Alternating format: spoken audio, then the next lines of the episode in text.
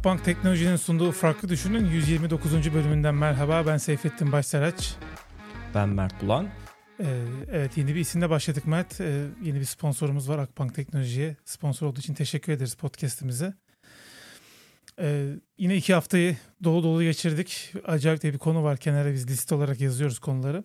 Ee, şu an baya bir kabarık bir liste var. Ee, ufaktan onları konuşmaya başlayalım. Nasıl geçti önceki son iki haftan? Hı hı. Ee, benim haftam e, artık tatil bittiği için e, işte bu hafta e, işbaşı yaptık. E, ondan önceki haftam da bayağı bir verimli geçti. E, çok kısa sürede bir kitap bitirdim. Onu da böyle detaylı olarak a, anlatarız okuduklarımızı. Yeni bir kitaba da başladım ama onu da bitiremeden yarım bıraktım. Yeni bir blog yazısı yazdım. Apple Watch ile ilgili. E, ilk daha önceki bölümlerde söylemiştim. Buna da gene detaylı olarak değiniriz. Bunun dışında bir de bayağı yağmurlu bir hafta geçiyor Hamburg'da. Çok güzel yağmur yedim bisikletle giderken, gelirken e, kursa falan e, ya da işte yürüyüşe falan çıktığımda. Acayip bir yağmur var. E, birkaç gündür de devam ediyor. Bilmiyorum oralarda hava nasıl ama. Yağmurlu. E, böyle e, bayağı e, verimli. Hem doğa anlamında verimli hem de e, üretkenlik anlamında verimli. iki hafta geçti benim için. Bu arada sen iş değiştirdin ondan bahsetmedin geçen bölümde. Ee, şöyle söyleyeyim işte çünkü daha e, dün e, istifayı verdim. E, yeni şirketi de e, daha sonraki bölümde aslında değiniyoruz. E, şey olmasın e, daha e, başlamadan şirket hakkında konuşmayalım çünkü daha şeyim olduğu için e, ne derler notis periyodu olduğu için iki, iki haftalık bir notis periyodum var. O iki haftadan sonra işte e, ocağın 15'inde ilk üç günüm olacak. E, muhtemelen bir sonraki bölümde daha detaylı olarak bu iş değişikliğinden de bahsederiz. Ha, yani bir önceki bölümde istifanı vermemiştin o yüzden e, tekrardan şey yaptım. Ben de kayıda öyle direkt girdiğimiz için konuşmadık önden. O yüzden de hani bir e, ekstradan şey yapmış olayım dedim. Sorayım dedim. E, çünkü olmadı kesebiliyoruz böyle şeyleri bölümden. Doğrudur. evet Apple Watch review'unu şöyle üstün körü okudum. Biraz fazla uzundu yani. Apple Watch'u zaten e, kafasında kararını vermiş birisi olarak o kadar uzun bir review'u okumak çok şey olmadı ama e, içimden gelmedi açıkçası ama ara ara başlıkları okudum. Yine övmüşsün amansız övücüler olarak. şöyle iyi böyle iyi falan diye. E, yani benim tabii ki deneyimlerim ben tabii Watch Series 0 kullanıyorum. Belki şimdi yeni versiyonlarını kullansam daha farklı olabilir ama şu an Wittings'den ve akılsız akıllı saatimden memnunum. Değiştirmeyi de düşünmüyorum. Ee, ama sen bayağı memnunsun anlaşılan. Ben bayağı memnunum. Ee, benim dediğim gibi şeyimi değiştirdi blog yazısında. Ben uzun uzun bahsettim. Ee, hep övmedim aslında. Çok eleştirdiğim yerler de oldu. Her bir başlık ben altında böyle. okuduğum için. Aynen. Böyle başlangıçlarına her bir ba- bir paragrafın işte överek başlayıp daha sonra ya keşke şöyle olsaymış dediğim şeyler oldu. Hani benim hayatıma pozitif etkisi oldu. Sen ilk haline demiştin belki bir hafta sonra sıkılır bırakırsın hani bu e, ringleri kapatma olayını, halkaları kapatma olayını. Bir hafta demedim. Ee, bir ay dedim pardon. Üç ay bir dedim. ay sonra. Üç ay mı dedin? Üç ayı doldurdum. Ee, ben Hadi baktım şu dördüncü aydayız. Bakalım ee, yani ben bu yıl bütün bir yılı doldurmak istiyorum. Ee, hedefim o. Ee, bugün de zaten kapattım önceden biliyorsun bizim kayıtlar uzun sürüyor. Oturarak geçiyor. O yüzden 12 saatlik oturma şeyini önceden doldurup e, ona göre koşum yürüyüşümü de yapıp geldim e, kayıttan önce. E, dediğim gibi genel anlamda ben memnunum. Şeyi de linkini bırakırım. Merak edenler, okumak isteyenler varsa çok uzun bir yazı. Çok 2-3 gün falan harcadım yani ben belki ona da detaylı olarak daha sonra değiniriz bu tarz e, blog yazıları nasıl yazılır diye. Çünkü bir oturuşta yazılmıyor maalesef. Bayağı böyle birkaç gün harcamak gerekiyor. Tabii. Neden yazmadığımı merak ediyorsan sebebi bu yani. Oturup draft yazmak sonra editlemek. Özellikle editleme kısmında ben çok e, şey oluyorum.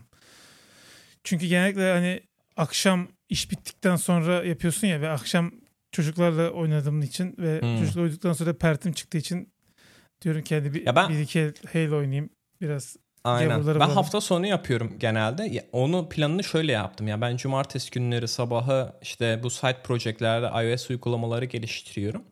Pazar sabahlarını da sadece yazıya ayırıyorum. Sabah uyandığım gibi oturuyorum sadece hiçbir şey açmıyorum. İşte internette ne olmuş falan filan gibi şeyleri RSS reader'ına falan bakmadan oturup direkt böyle e, Notes uygulamasını yazmaya başlıyorum.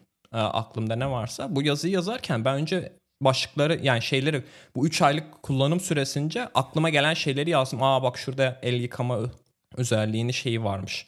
Ondan sonra işte Apple Müzik çok iyi çalışmıyor Apple Watch'ta da. Hani böyle ufak ufak notlar yazdım.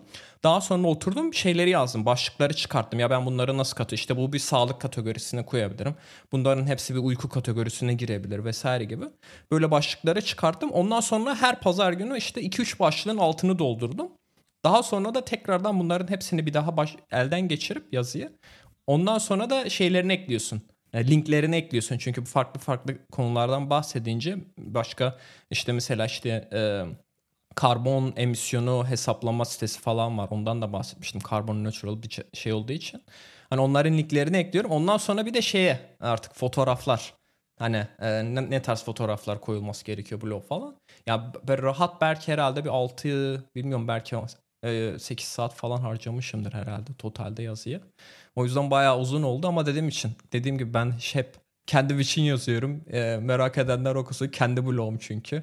Hani öyle uzun bayağı detaylı bir yazım olsun istedim. Çok denk gelmedim çünkü ben hani Apple Watch almak istediğim sıralarda hep review'lere bakıyorum. Bana işte şey diyor yani işte ekran parlaklığı şu kadar falan güneşte görebiliyorsun. Abi yani tamam da güneş yok Hamburg'da yani ben şimdi sonbaharda güneş yok. O özellik benim için bir şey ifade etmiyor. Sen bana böyle detaylardan bahset.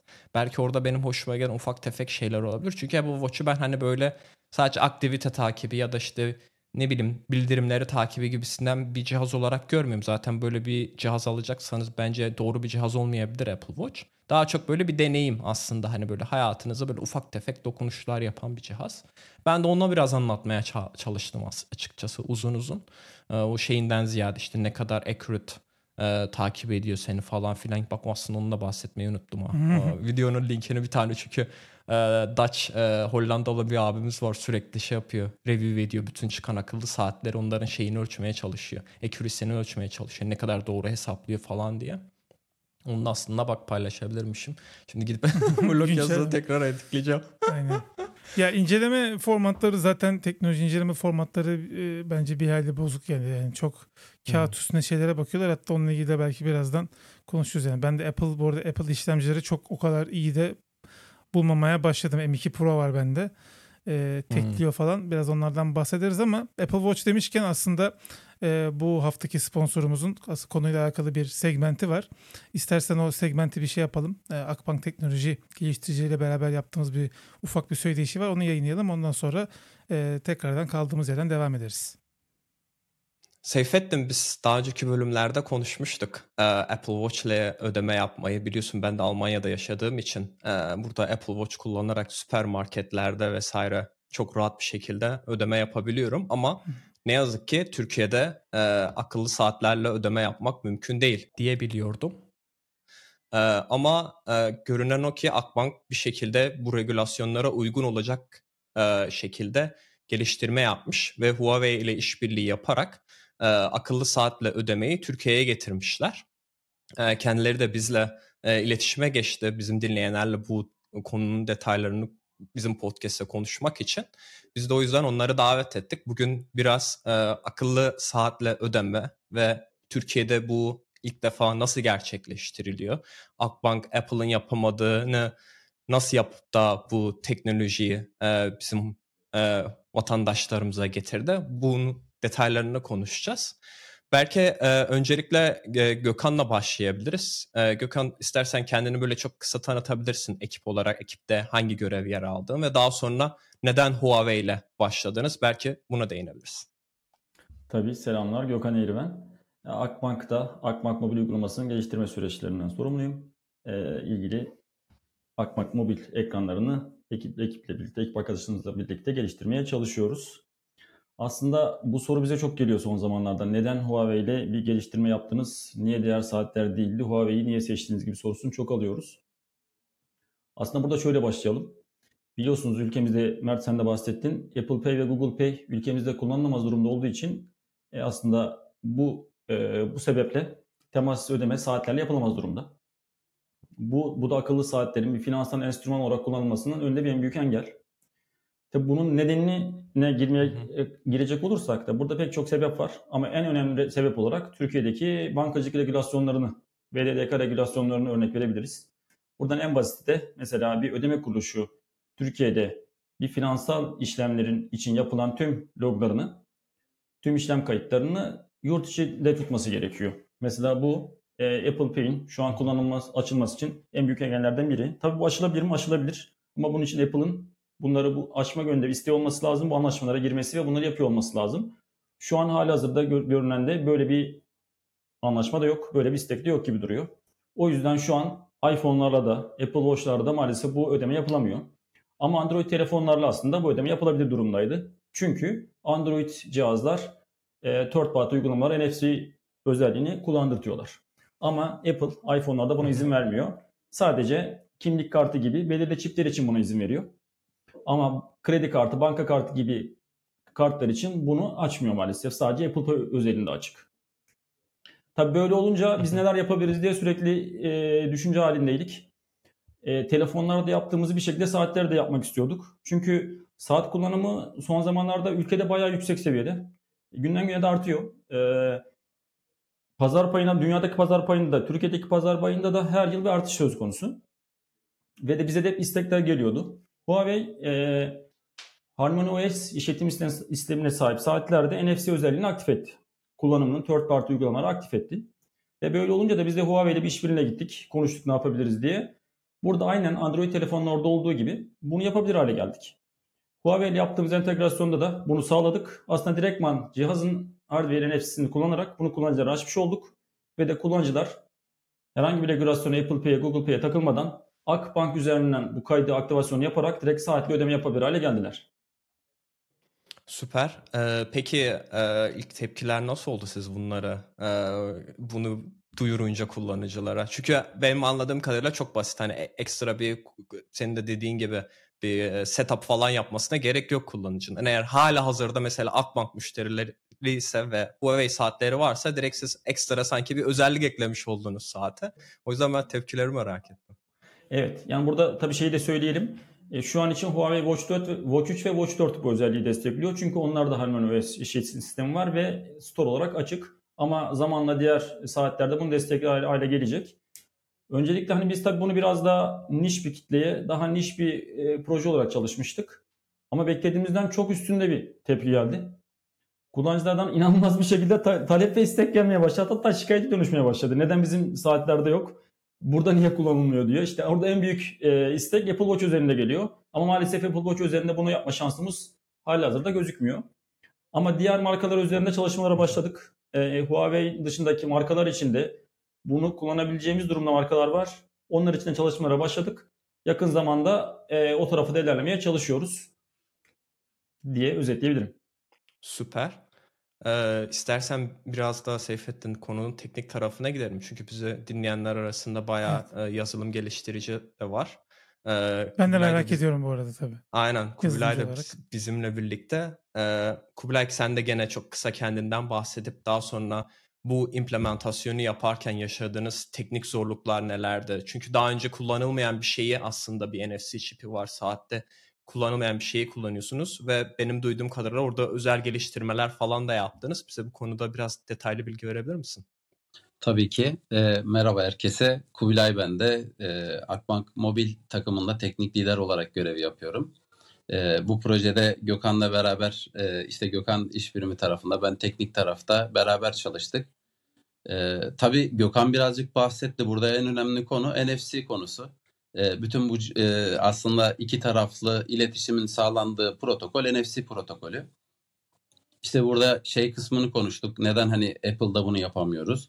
E, burada tabii ki en önemli konu bu NFC'nin bu protokolün aslında Apple tarafından özellikle şimdi bu NFC protokolünde tabii bu arada çok böyle detaylı kendi içerisinde protokoller var. Ee, ve Apple bunlardan bu protokolden aslında o ödeme için olan kısmı diğer third party firmalara kullandırmıyor. Ee, biz şimdi burada tabii ne yaptık kısmında bu NFC ya belki de şundan da bahsetmem lazım. Hani bu NFC'nin arkasında e, e, birazcık aslında çok kısa NFC'nin tarihinden de bir bahsetmek istiyorum. Olur. Çünkü NFC teknolojisi de önemli. Çünkü bütün e, aslında iletişim, bütün bu ödeme sistemi bunun üzerine dönüyor. E, NFC e, bildiğiniz gibi 2001 yılında aslında ilk çıkıyor. İşte oradaki kullanımlar falan tabii ki ilk başlarda çok daha farklı alanlarda oluyor. E, büyük böyle finansal şirketlerde ödeme sistemi olarak kullanılmaya başlandı. Yıl aslında 2011. E, tabii ki başlarda orada da bambaşka alanlarda kullanılıyor ama aradan belirli bir zaman geçtikten sonra HC dediğimiz aslında bir sistem ürüyor. Bu HC e, sisteminin aslında buradaki genel böyle e, akışı e, bir otorite var. E, yine NFC'yi kullanıyor ve bu aslında otorite üzerinden güvenli bir şekilde ödeme işlemi yaptırmayı amaçlıyor ve sağlıyor. Burada da Türkiye'de aslında bu HC ödeme sisteminin otoritesi bankacılık kart merkezi. Ee, ve bizim de burada kullandığımız bu HC için, HC ödemeler için bir SDK var. İşte bu kullandığımız SDK yine tabii ki bizim SDK'mız değil. Yine e, farklı bir firmanın bu HC ödemeler için geliştirmiş olduğu bir SDK. Biz şimdi bu işe e, Gökhan söylediği gibi ilk böyle e, girdiğimizde e, bu SDK'nın önce sahibi olan firmayla e, görüştük. Tabii ki onların bambaşka önceliği olan işler vardı. Burada yapılacak bayağı bir iş vardı. Çünkü ilk defa bir aslında e, cihazda, farklı bir cihazda, Huawei cihazda, farklı bir işletim sisteminde hatta sadece cihazda da bunu sınırlamamak lazım. Farklı bir işletim sisteminde bir iş, e, yeni bir entegrasyon işi yapılacak ve buradan da aslında parasal sonucu olan bir işlem bu. Genelde hani bizim e, sektörde daha böyle yazılımcılık ya, yazılım sektöründe hani e-ticaret, finans gibi e, farklı böyle şeyler ayırdığımız zaman kategorilere finans burada biraz e, riskli dediğimiz ve hı hı. gayet böyle dikkat edilen her açıdan dikkat edilen bir e, kategori. Neyse e, bu kısmı birazcık böyle e, uzun özetledim ama ee, şimdi burada bu HC e, SDK'sının içerisinde biz başladık tabii ki değişiklikler yapmaya. Burada işte senin özellikle sorduğun e, kısım e, entegrasyon. Yani burada en çok zorlandığımız kısım tabii ki entegrasyon oldu. Hatta genelde zaten bir yazılım projesi yapıyorsanız e, kaç tane farklı third party bileşen varsa, stakeholder varsa o kadar o projenin zorluğu vardır. Zaten bunu hani yazılım projelerinde bulunmuşlar, e, bulmuş olanlar e, biliyordur, tahmin edecektir. E, dolayısıyla biz burada aslında aynı projenin içerisinde hem Huawei firmasıyla hem bu HC SDK'sının e, sahibi olduğu, e, sahipliği olduğu firma ile hem bizim Akbank içerisindeki aslında bu e, HC ödeme sistemiyle entegrasyon olan pardon e, ekiplerle bir entegrasyon işine giriştik. Ee, burada e, bilmiyorum hani şey kısmından da biraz belki bahsetmek lazım. Bu HC ödeme işi nasıl yürüyor? Buradaki iş nasıl e, dönüyor? E, biz Akbank mobil uygulamasında öncelikle şunu yapıyoruz. E, bizim saat uygulamamızda bir login yok. Orada bir authentication yapmıyoruz. Dolayısıyla önce ne yapıyoruz? Akbank mobil uygulamamızda bir authentication yapıyoruz. Bu authentication'la beraber daha doğrusu bu authentication sonrası müşteriye ödeme yapacağı kartı seçtiriyoruz. Sonra bu kartı seçtikten sonra bu ödeme yapacağı kart bilgisiyle beraber bu kart bilgisini Bluetooth'la e, cihaza aktarıyoruz. Yani saate, Huawei Watch'a aktarıyoruz. Bu aktarım sonrası hem bu kart bilgileri hem oradaki token'ı ile beraber ve kaç defa ödeme yapacağı bilgisi de bu HC sisteminde belirleniyor. Şu an bizde mevcutta 20 ödeme var. E, bu 20 ödemelik kart bilgisi saate aktarılıyor. Sonrasında NFC teknolojisiyle beraber kartı e, post cihazına ya da NFC reader'a yaklaştırarak bu ödeme işlemi yapılabiliyor. Aslında işin teknik kısmı da burası. Bilmiyorum artı e, teknik kısımla ilgili açamadığım ya da daha detay bir konu varsa merak ettiniz onu da cevaplayabilirim. Yok sen bayağı aslında güzel e, NFC'nin tarihinden başlayarak güzel özetledin. E, şey de tabii senin dediğin gibi zor bir şey. Yani günün sonunda insanların hani parasını çekiyorsun ve e, işlemlerin hani doğru bir şekilde çalışması gerekiyor.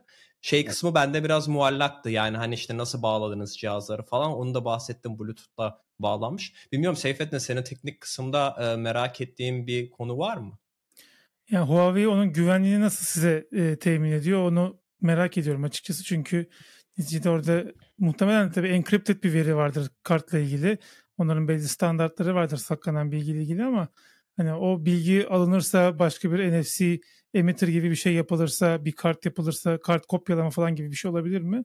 Onları da göz önünde bulundurdunuz mu diye merak ettim. Tabii ki aslında şöyle, e, şimdi bu ilk şey kısmından bahsettim. Aslında güvenlikle ilgili şunu da belki de en başta söylemem lazım.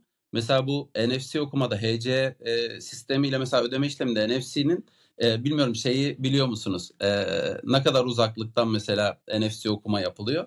Bunu normalde aslında daha uzaktan yapılabilir ama şu an NFC'nin benim bildiğim e, en uzak e, şeyi mesafesi 5 santim. Aslında buradaki en önemli şey bunun 5 santim 5 santim uzaktan okuyabilmesinde böyle bir maksimum e, sınırının olmasının sebebi aslında güvenlik. Bir defa hani o bilgiyi de e, vermiş olayım. Sonrasında şimdi Huawei tarafıyla ve diğer firmalarla aslında söylemiş olduğun gibi bu konuda birçok böyle kendi aramızda hani e, güvenlik anlaşmaları yapılıyor ve oradaki bir hani bu bilginin saklanması standartları vesairesi bunlarla ilgili hep bunlarla ilgili hep zaten bir e, garanti veriliyor. E, yani burada da işin tabii ki Huawei tarafında bu bilgilerle ilgili detay kısmını bilmiyorum. Hani e, tam olarak nerede saklıyorlar vesaire ama bunun güvenliğiyle ilgili biz tabii ki oradan da bir teyit aldık. Bizim açımızdan olan kısmına gelecek olursam biz bunun hani nasıl güvenliğini sağlıyoruz? İlk aslında o ödeme bilgileri saate aktarılıyor ama o ödeme bilgileri saate aktarıldıktan sonra e, bu saate aynı zamanda aslında bankayla iletişim kuracağı bizim bankanın Akbank'ın backend'i diyebileceğimiz servislere e, erişebilmesi için de bir token geçiriliyor. Ve sonrasında aslında buradaki yapılan ödeme işlemleri önce bankanın backend'ine geliyor bu token'la ve sonrasında arka tarafta işte bu HC sisteminin e, HC sisteminin yani yürütücüsü mü diyeyim yani kontrolcüsü firmaya bizim aslında backend üzerinden ve bu token'la e, önce validation yapılarak gidiliyor. Aslında arka tarafta olay tamamen Huawei tarafında da olmadığı için aslında burada çift başlı hatta üç başlı e, diyebileceğimiz de bir kontrol mekanizması var kendi içerisinde.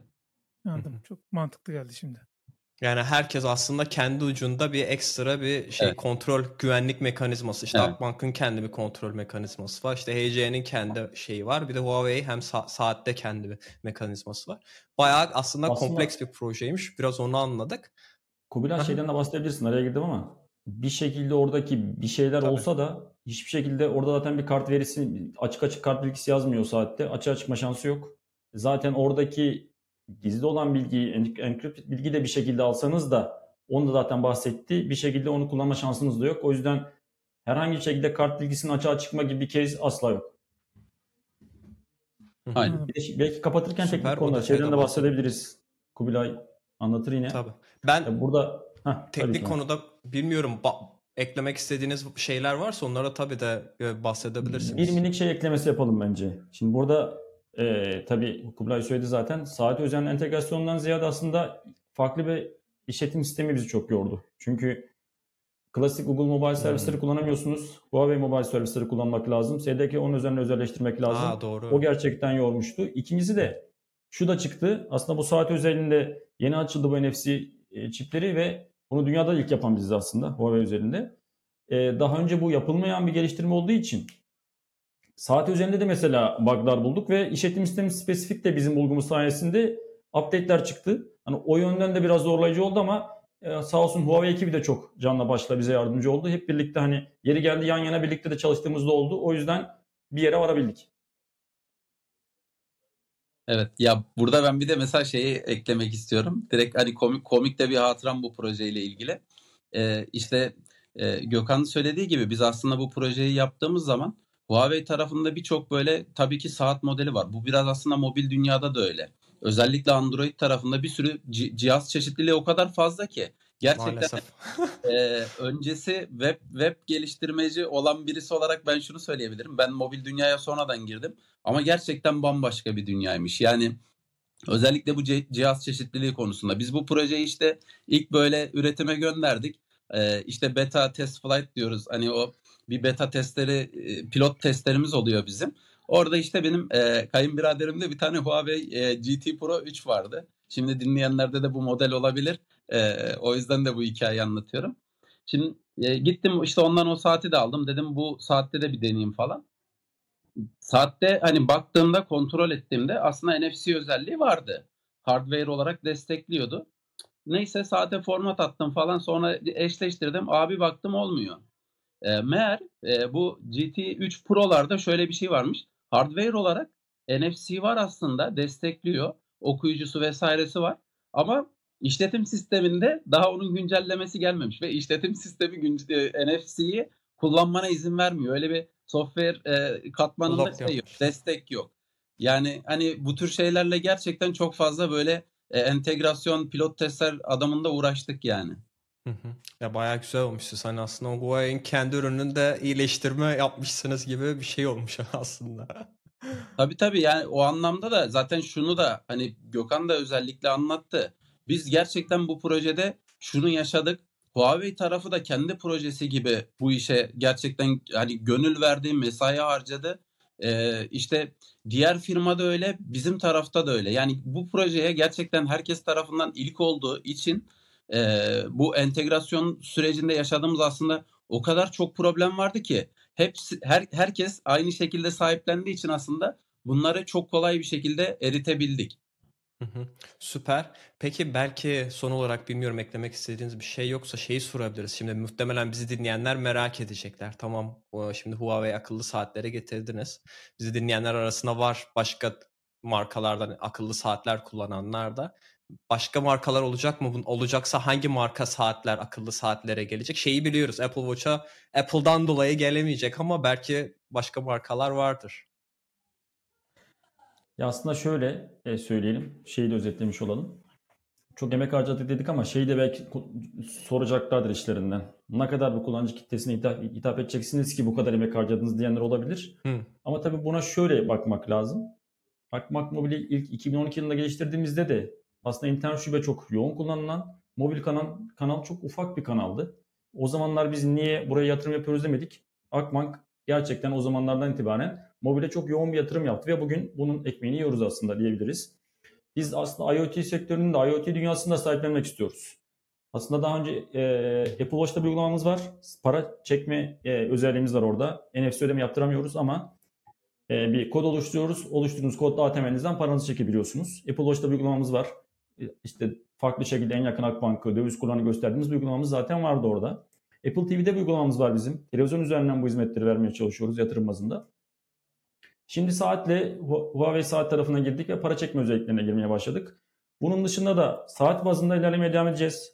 E, marka vermeyeyim ama Android işletim sistemi varsa, Android Wear varsa bir şekilde biz oralarda bundan sonra hem işletim sistemi hem de cihaz izin veriyorsa biz oralarda olmaya başlayacağız. Adımlarına başladık, geliştirmeler devam ediyor.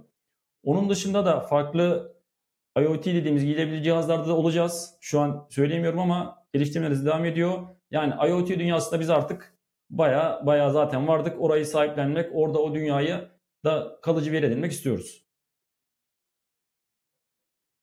Süper. O zaman şey diyebiliriz yani Akbank müşterisiysen e, muhtemelen e, farklı cihazlarda Akbank deneyimi yaşamaya e, devam edeceksin e, diyebiliriz herhalde kısaca. Şunu da diyebiliriz. Biz e, şunu söylüyoruz aslında. Kullan... Senin eklemek istediğin. Ha tabii.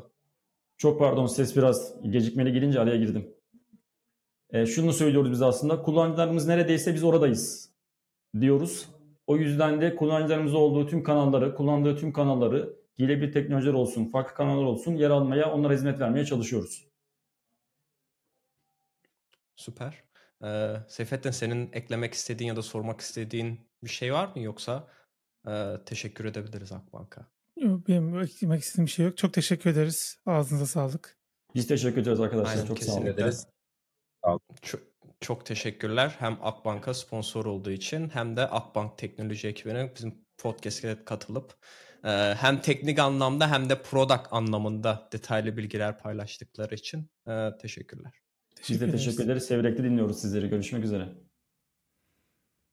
Evet, Akbank Teknoloji'ye teşekkür ederiz sponsor olduğu için. E, konularımızdan devam edelim. E, var mı başka e, ekstra anlatmak istediğin bir şey yoksa direkt izlediklerimize geçelim mi? Ee, ben belki şey, önce şeyi de söyleyeyim. Hazır bu sponsoru almışken belki hani başka markalar da bu şekilde sponsor olmak istiyorlarsa bizimle iletişime geçebilirler. Bu sponsorluk kısmından da aslında bizim ne tarz bir sponsorluk anlayışımız var. Onu umarım iyi an- anlayabilir markalar. Çünkü bazen bize istekler geliyor. Ya işte bizim şirketin yöneticisiyle oturup iki saat sohbet eder misiniz gibisinden. Evet. Ee, hani biz ne yazık ki bu tarz sponsorluklar hani şeyi çok umurumuzda değil. Hani ne kadar e, ücret ödenmesi gerekiyor falan çok umurumuzda değil. O yüzden yani biz hani böyle bir sponsorluk almıyoruz. Biz daha çok insanların işte hani bir şeyler de öğrenebileceği, dinleyicilerine sıkılmadan dinleyebileceği. Biz o yüzden hani bu Akbank'la bu şekilde biz format Yani tabii sizin uyguladık. teklif ettiğiniz konuklar sıkıcı diye söylemiyoruz bunu da hani. Öyle anlaşılmasın. Ee, ama Aynen. bütün bir bölümü e, daha önceden hani tanışıklığımız olmayan vesaire birisiyle geçirmek daha çok şey. Yani bizim konuklu bölümlerimiz de var ama o konukların hepsini biz e, yakından ya da uzaktan tanıyoruz. E, ama Aynen. e, tabii ki de tanıdığımız birisi ise eğer şirketin e, müdürü, patronu neyse kimse o zaman tabii olabilir. Bakalım gelecek neler gösterecek. E, tekrar teşekkür ederiz Akbank Teknoloji'ye e, bu güzel sponsorluk için. Diyelim e, aslında ben de bahsedeyim ben yeni işe başladım. e, bende de bir şeyler oldu yani. Aa, senin haftan nasıl ya geçti? Benim e, son iki haftam güzel geçti. Tabii e, bir oryantasyon sürecindeyim ama ben pek oryantasyonda böyle sabit durmayı seven birisi değilim. O yüzden kolları sıvadım, bir şeylere giriştim, bir e, işlere başladım. E, ve yeniden bir yapılanma aslında oldu içeride. E, yeniden yapılanmadan kastım takımların yapısını değiştirdiler. E, farklı takımlara bölündü ekip. Bu arada bir hayli kalabalık yani ben şu an Get Contact tarafındayım. E, ve Get Contact tarafında sanırım 9-10 tane falan iOS developer olması lazım. Tam sayıyı bilmiyorum çünkü e, tek tek saymadım ama çünkü kimisi de remote falan çalışıyor yani uzaktan e, mesajla yazıyor. Tam sayıyı bilmiyorum ama 8-10 tane olması lazım iOS developer. Kalabalık bir ekip. Ben de platform takımındayım. Daha çok işte araç gereç geliştirme, performansa bakma falan gibi işler var. E, onun dışında yine animasyon vesaire işlerine de birazcık değineceğim ama e, bu iki hafta bayağı dolu geçti benim için. E, Uygulamanın performans üzerine çalışıyoruz ekip olarak. Birçok metrik var iyileştirmek, iyileştirmek istediğimiz. İyi ama çok daha iyi olabilecek şeyler. Onun üzerine çalışıyorum. O da bayağı keyifli bir şey tabii bir yandan. E, kendi şeyini de uzmanlığını da konuşturuyorsun bir yandan. O yüzden hoş. Metrik kit mi kullanıyorsun? Yok Metric Kit kullanmıyoruz. Aslında Metric Kit bize işte app launch time'ları falan veriyor. Ee, ama bizde Firebase de var. Firebase'de app performance paneli var Firebase'in. Hmm. Oradan da değerleri alıyoruz. Ee, oradaki değerleri olabildiğince e, düşürmeye çalışıyoruz. E, Crashlytics'ten bahsetmiyorum. Crash free rate'i e, gayet yüksek uygulamanın ama e, işte app launch performance olsun, e, app'in kendi size olsun, bundle size olsun bu tarz şeyleri iyileştirmeye çalışıyoruz. E, bir haliyle yol kat ettik bu arada yani E, güzel bir çalışma oluyor. Böyle e, güzel ufak bir ekibiz biz platform ekibi olarak ama e, güzel işler çıkıyor. Onun dışında tabii bir yandan da ben UI ve 3D UI'dan bahsettim geçen bölümde. Onunla ilgili işte spline öğreniyorum bir yandan 3 boyutlu modelleme. Hatta sana da bir tane video attım. Hmm. Ee, ufak tefek demolar da yapıyorum yani Spline'de modellediğim şeyi önce Spline Kit diye bir şey çıkarttılar. Onunla beraber iPhone'a aktarıp onunla işte interaktif bir üç boyutlu obje işte oynamak ve onu iki boyutlu UI ile birleştirmek e, konusunda bir şeyler yapıyorum. Ama Spline Kit'in çok performansını beğenmedim. Hem çok ciddi pil tüketiyor hep açıkken. E, o Hmm. pek hoşuma gitmedi. Onu daha ya modelin şeyini, derinliğini, şey kalitesini, fidelitesini düşürerek belki bir şeyler yapmaya çalışacağım. Biraz orada deneme yanılmayla gidiyor. Bir de bir yandan da işte kendim o Splanket'in benzini yazabilir miyim diye istiyorum. Çünkü e, parametrize 3D objeler de olsun istiyorum yani bir dataya bağlı. İşte da mesela atıyorum bir kart var. Kartın üzerinde bir telefon numarası var. O telefon numarasının dinamik olması lazım. Şu an hı. Splankit değişken desteği tanımıyor. Değişken aslında Hmm. Spline içerisinde var. Burada Spline çok advanced bir tool'muş. Ona da girince gördüm. Tamam. Fizik simulation yapıyor. Ee, bayağı kod yazıp işte oyun gibi programlayabiliyorsun vesaire. Yani logic de ekleyebiliyorsun. Ee, ve e, çok detaylı bir event trigger sistemi var. Ee, conditional'lar falan çok güzel bir şekilde böyle e, acayip detaylı sahneler yapabiliyorsun ve sahneler ve e, state'ler arası geçişi de animasyonla falan yapabiliyor. Hakikaten e, ben yani de bu kadar detaylı olduğunu tahmin etmiyordum. Şu an sadece modelleri gösterme ve interaktivite çalışıyor Splankit tarafında. Ee, bakalım ben e, onları belki beklemeden kendim bir şey oluşturup e, SceneKit'le onu entegre etmeye çalışacağım. Bizim bu arada app'lerimizde şu an 3D'lik bir şey yok. Ama biz bunların yapılabildiğini bir şekilde e, şey yapıp e, en azından onun argesini tamamlayıp e, belki bir sonraki sürümde o 3D işlere de girmekte e, çok daha kolay bir şekilde o işi halledeceğiz diye düşünüyorum. E, bir yandan onlar işte öğrenmeye de geçiyor yani. O yüzden de keyifli. Süper. E, şu an için bir şikayetim yok. Güzel gidiyor. E, böyle.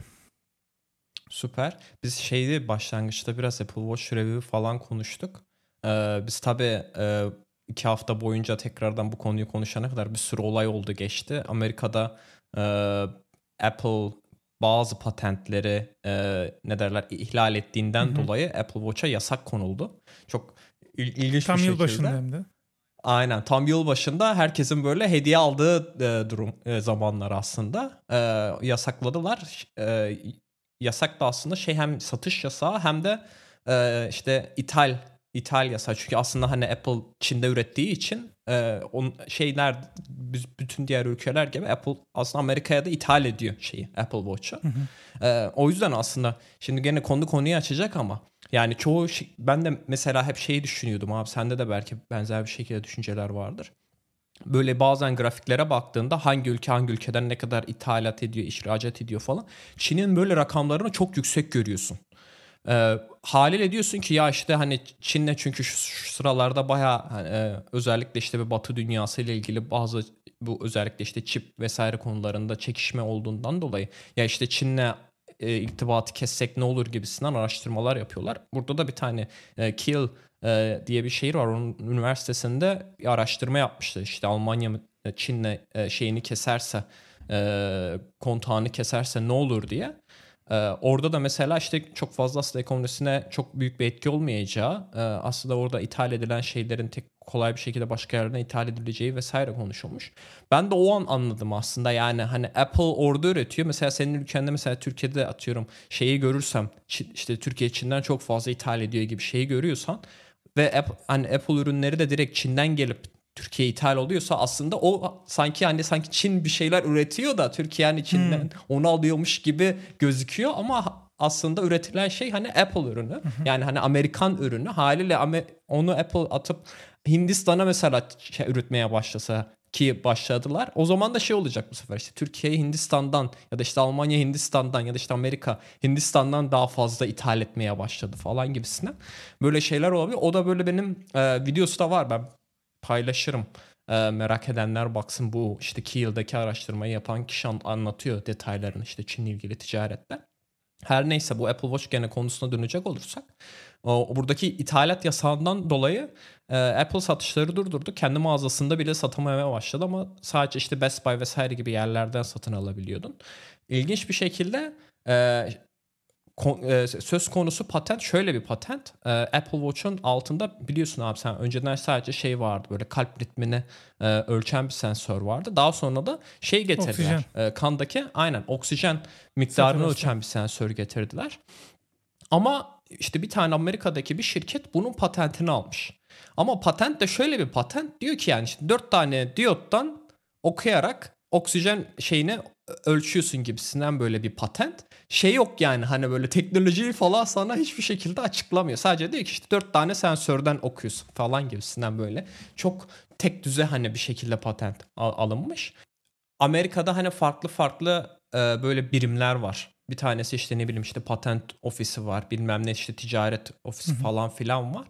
Bunlardan bir tanesi işte Apple'a diyor ki sen artık e, hiçbir şekilde şey yapamazsın hani. E, hem import edemezsin, satışını yap- yapamazsın. Çünkü sen işte bu patenti ihlal ettiğin gibisinden. Bir de ilginç bir şekilde bu konu böyle şeye kadar gidebiliyormuş. Amerikan başkanına kadar gidebiliyormuş. Hmm. Amerikan başkanı en sonunda şey veto edebiliyormuş bu kararı. Tamam siz işte satış yasağı koydunuz ama Amerikan başkanı çıkıp ben bu yasağı şey yapıyorum. kaldırıyorum diyebiliyormuş. Amerikan başkanı da kaldırmadı. Joe Biden da yok demiş. Hani ben kaldırmıyorum bu şeyi. Ne olacaksa olsun demiş. Bunu da ayrıca e, bir parantez açayım. Bu da zamanında gene başka bir patentten dolayı iPad sanırım e, söz konusuyken gene bu şekilde bir yasak olmuş ama Obama döneminde Obama demiş ki ben kaldırıyorum bu şeyi e, yasağı deyip satışına devam etmişler. Demek ki buradaki başkanla ilişkiler çok iyi değil herhalde bilmiyorum artık. Ama daha sonra başka bir mahkemeye hep böyle oluyor ya bir üst mahkemeye falan gidiyorsun. Bir üst mahkemeye gittiler. Ee, o 2-3 gün falan böyle yanlış hatırlamıyorsun belki de iki, iki, bir günde olabilir. Tekrardan satışına başladı ama bu şey devam edecek. Ee, e, bu konu işte patent ihlali konusu devam edecek e, tekrardan satış yasaklanabilir. Apple şey diyor e, biz işte bunu bir yazılımla çözeceğiz diyor. İşte bu patent sahibi diyor ki nasıl yazılımla işte patent aslında donanımsal bir şey diye.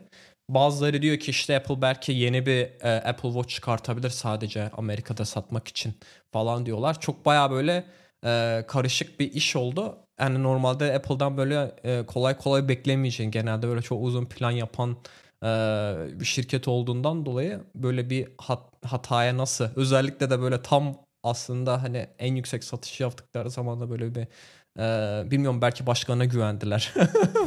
Başkan yok der satış devam eder gibisinden. E, o yüzden bunu da böyle değinelim dedim. E, ilginç bir konu çünkü baya hani Apple Watch'un yasaklanması Amerika'da satışının. Evet e, ben de merak ediyorum nasıl çözecekler. Burada bayağı da bir dava e, devam ediyor Amerika'da. E, davalar havada uçuşuyor diyebiliriz. Bir Microsoft iyi sıyrıldı valla iki senede. Activision Blizzard'la. Şimdi bakalım bundan sonra nereye gidecekler ben de merak içindeyim. Çünkü Figma satın alımı iptal oldu. Aynen. Ondan bahsettik mi? Geçen bölümde bahsetmedik galiba. Bahsetmedik diye hatırlıyorum. Aynen. Ee, onlar da işte biz artık şeyle uğraşmak istemiyoruz. Tekrar kendi yollarımıza devam edeceğiz dediler bu rekabet kurumunun e, durdurulmasını. Bence de tasarımcı için daha tabii hayırlı oldu. Ben tabii Figma'nın CEO'su bu İsrail destekçisi olduğu için, daha doğrusu İsrail destekçisi olduğu için değil. Netanyahu destekçisi olduğu için daha e, altını çizerek söyleyelim. Biraz tabii ben kişisel projelerimi falan Sketch'e taşıdım bu arada olaydan sonra hmm. ve hala da Sketch'te devam ediyorum. Sen belki podcast coverlarını falan Figma'dan export alıyor olabilirsin. Ben hepsini Sketch'ten alıyorum. Aynıları orada da hmm. aktardım oraya. Neyse e, onu da bir altını çizmiş olayım. Yani lafımın arkasında duruyorum. Ee, ve e, tabii 1 milyar dolarlık bir şey anlaşması varmış. Eğer deal olmazsa 1 milyar dolar Figma'ya e, Figma'nın sahibine Adobe. değil ama Figma'ya Adobe ödeyecek diye havadan 1 milyar dolar aldılar gibi bir durum oldu. e, tepe tepe harcasınlar. Daha iyi ürünler geliştirmek için şey yapsınlar. O CEO'yu da inşallah en kısa zamanda şutlasınlar diye ümit ediyoruz. Ama işte abi her köşenin başında maalesef Siyonist insanlar var. E, bu Amerika'daki unicorn olmuş şirketlerin de çoğunun başında. Siyonist insanlar. Zuckerberg falan da mesela Instagram'da çok ciddi sansür uyguluyor. Bir yandan da işte e, sonuçta ekonomi ve finans sektörü e, bu Siyonistlerin elinde olduğu için neticede e, demek ki kendi adamlarına da ekstradan bütçe, VC parası vesaire çıkıyor gibi hissediyorum ben. E, elinde bir kanıt yok o yüzden yemin etsem başım ağrı diyebilir. E, bizde öyle derler yemin etsem başım ağrımaz diye. O yüzden de bir şey diyemiyorum ama e, yani Figma'nın da tabii ki çok başarılı bir ürün ama bu kadar sağlam ekibi kurması ve bu kadar süredir belki de ilk 1-2 yıl 3 yıl neyse zarar ediyordu. O zararın tazmin edilmesi konusunda bu arkadaşın bu Rodin'in de e, önemi olabilir. Hı hı. Onun dışında davalardan devam edelim. E, New York Times OpenAI'ye dava açtı. E, hatta sen iki defa yazmışsın. Demek ki senin için çok önemli bir konu. ya e, şu açıdan önemli. Yanlış hatırlamıyorsam önce bir dava açacağız gibisinden bir haber çıkmıştı. Wow dedim ben bu baya bir büyük bir olay olacak diye. Ondan sonra dava açıldı şeyleri çıkıyor ya bir de Amerika'da açılan davalarda şeyi görebiliyorsun. Ee, bütün böyle e, dava konusunu görebiliyorsun. Bütün metinler falan online şeye koyuyorlar. The Verge'de falan çok güzel bunları böyle hani kendileri bayağı oradaki şeyler editörler okuyorlar bütün metinleri. Orada önemli kısımlarını falan yazıyorlar. O yüzden üç, ikinci sefer de oradan dolayı herhalde muhtemelen koymuşum. Ee, yani söz konusu olay tabii ki e, copyright dediğimiz bu işte telif hakkı konusu. E, çünkü e, New York Times iddia ediyor ki ki bunu da aslında şeyde kanıtlıyorlar kendi. E, işte bu mahkemeye sundukları davada ee, orada diyor ki OpenAI'da işte ChatGPT'yi kullandığın zaman New York Times'ta yazan haberin aynısını sana yazıyor diyor. Hani şey demiyor. Hani New York Times gibi yazıyor demiyor. Hatta birebir aynısını yazıyor işte. New York Times'ta atıyorum bilmem ne işte atıyorum Irak Savaşı ile ilgili bir tane haber yazmışlar mesela. Çok editoryal bir tane haber yazmışlar. Sen mesela işte ChatGPT'ye sorunca işte Irak Savaşı'nı atıyorum ne oldu gibisinden falan. Bayağı New York Times gazetesinde çıkan haberin aynısını sana çıktı olarak veriyormuş. E bu tabii ki şaşırtıcı bir şey değildi. Yani biz bunu daha önceki bölümlerde birçok bir, bir, bir, bir sefer kapattı ya kaç tane servis. Aynen. Onu da değinelim. Hatta nasıl sizin de kapatmak istiyorsanız kapatmanın yöntemi de var. Hani e, eğer şey yapmak istemiyorsanız kendi datanızın e, ChatGPT içerisinde olmamasına. Her neyse New York Times da diyor ki ya biz hani biz bu editörler için işte gidiyoruz para veriyoruz Amerika'dan kalkıyor Irak'a gidiyorlar orada işte savaş muhabirliği yapıyorlar bir sürü bilgi topluyorlar falan daha sonra gelip bu yazı yazılıyor biz burada bir sürü para harcıyoruz falan. Hani bunun telif hakkı bizde. Bizden hiçbir şekilde izin alınmadı.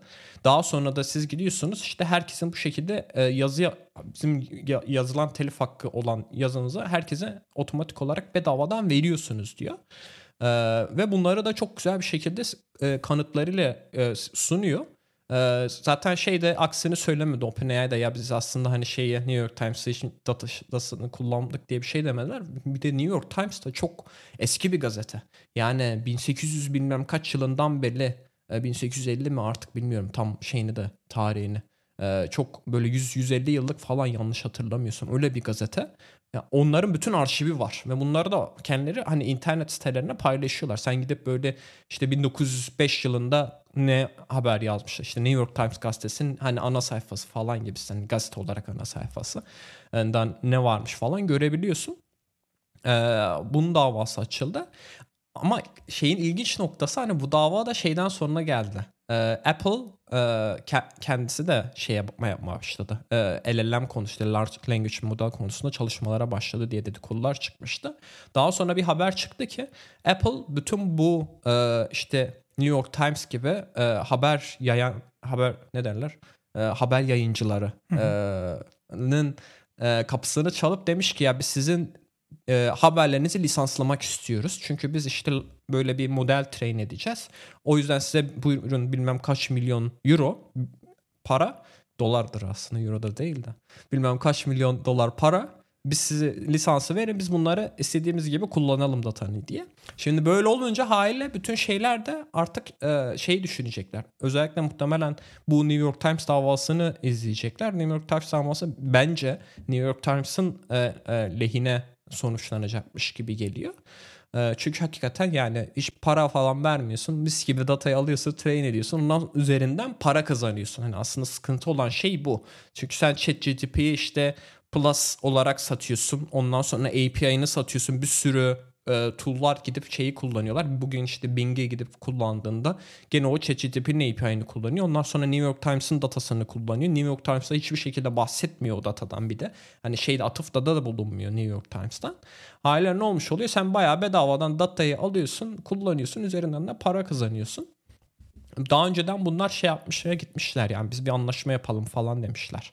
Ee, hani siz bize bir telef hakkı şeyi ücreti ödeyin falan gibisinden demişler. Onlar da yok anlaşamamışlar kabul edememişler. O yüzden böyle bir dava açmak zorunda kalmışlar artık. Hani biz uzlaşamadık artık dava açmak gerekiyor gibisinden.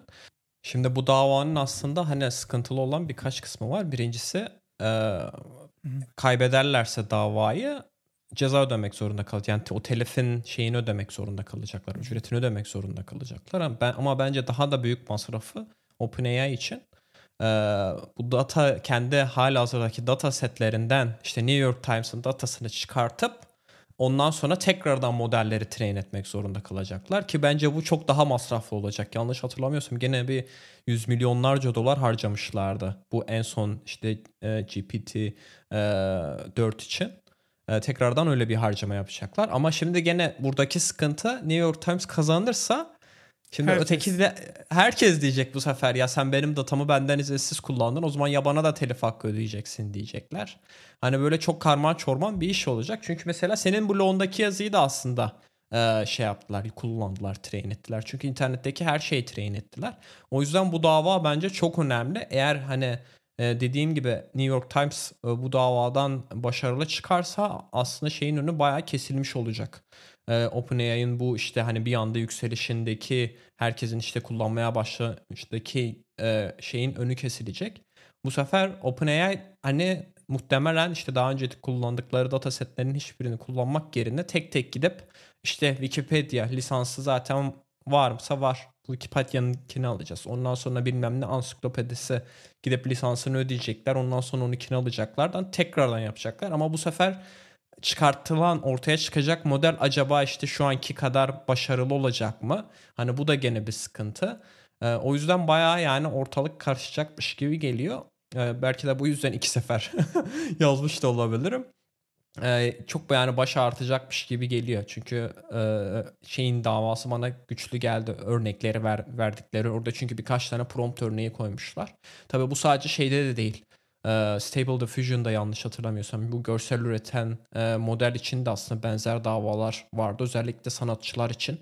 Çünkü sen direkt gidip işte atıyorum Seyfettin bir sanatçıysa, ressamsa Seyfettin gibi bir tasarım yap diyorsun. Çünkü Seyfettin'in yapmış olduğu bütün tasarımlar e, şeyde kullanılmış oluyor. Benim gene mi gittiğin? Devam et abi. Ha, Seyfettin bir sanatçı dedim. Şeyim gene dondu. Ee, dedim acaba gene mi gitti? Yok yok. Devam et. Ha. Mesela Seyfettin bir sanatçıysa işte Seyfettin'in e, tasarımı orada kullanıldığından dolayı e, haliyle Seyfettin'e tekrardan bir telif hakkı öğrenmesi gerekiyor. Çünkü bayağı Seyfettin'in birebir tasarımını yapıyor. Bunun da örneklerini gene koymuşlar. Buradaki örnekler de mesela şey diyor. işte su tamircisi şeklinde bir oyun karakteri diyorsun. Sana direkt gidip Mario'yu veriyor mesela. Hı hı. Ama Mario lisanslı bir ürün. Sen şimdi nasıl demek ki Mario'yu kullandın sen kendin training modelinde. Yani. Ee, ama peki sen bunun için ücret ödedin mi Nintendo'ya? Yok. Ee, o zaman demek ki orada bir sıkıntı var. Çünkü bazı modellerde şey diyor. İşte Mario şunu şunu yaparken bir resim üret diyorsun.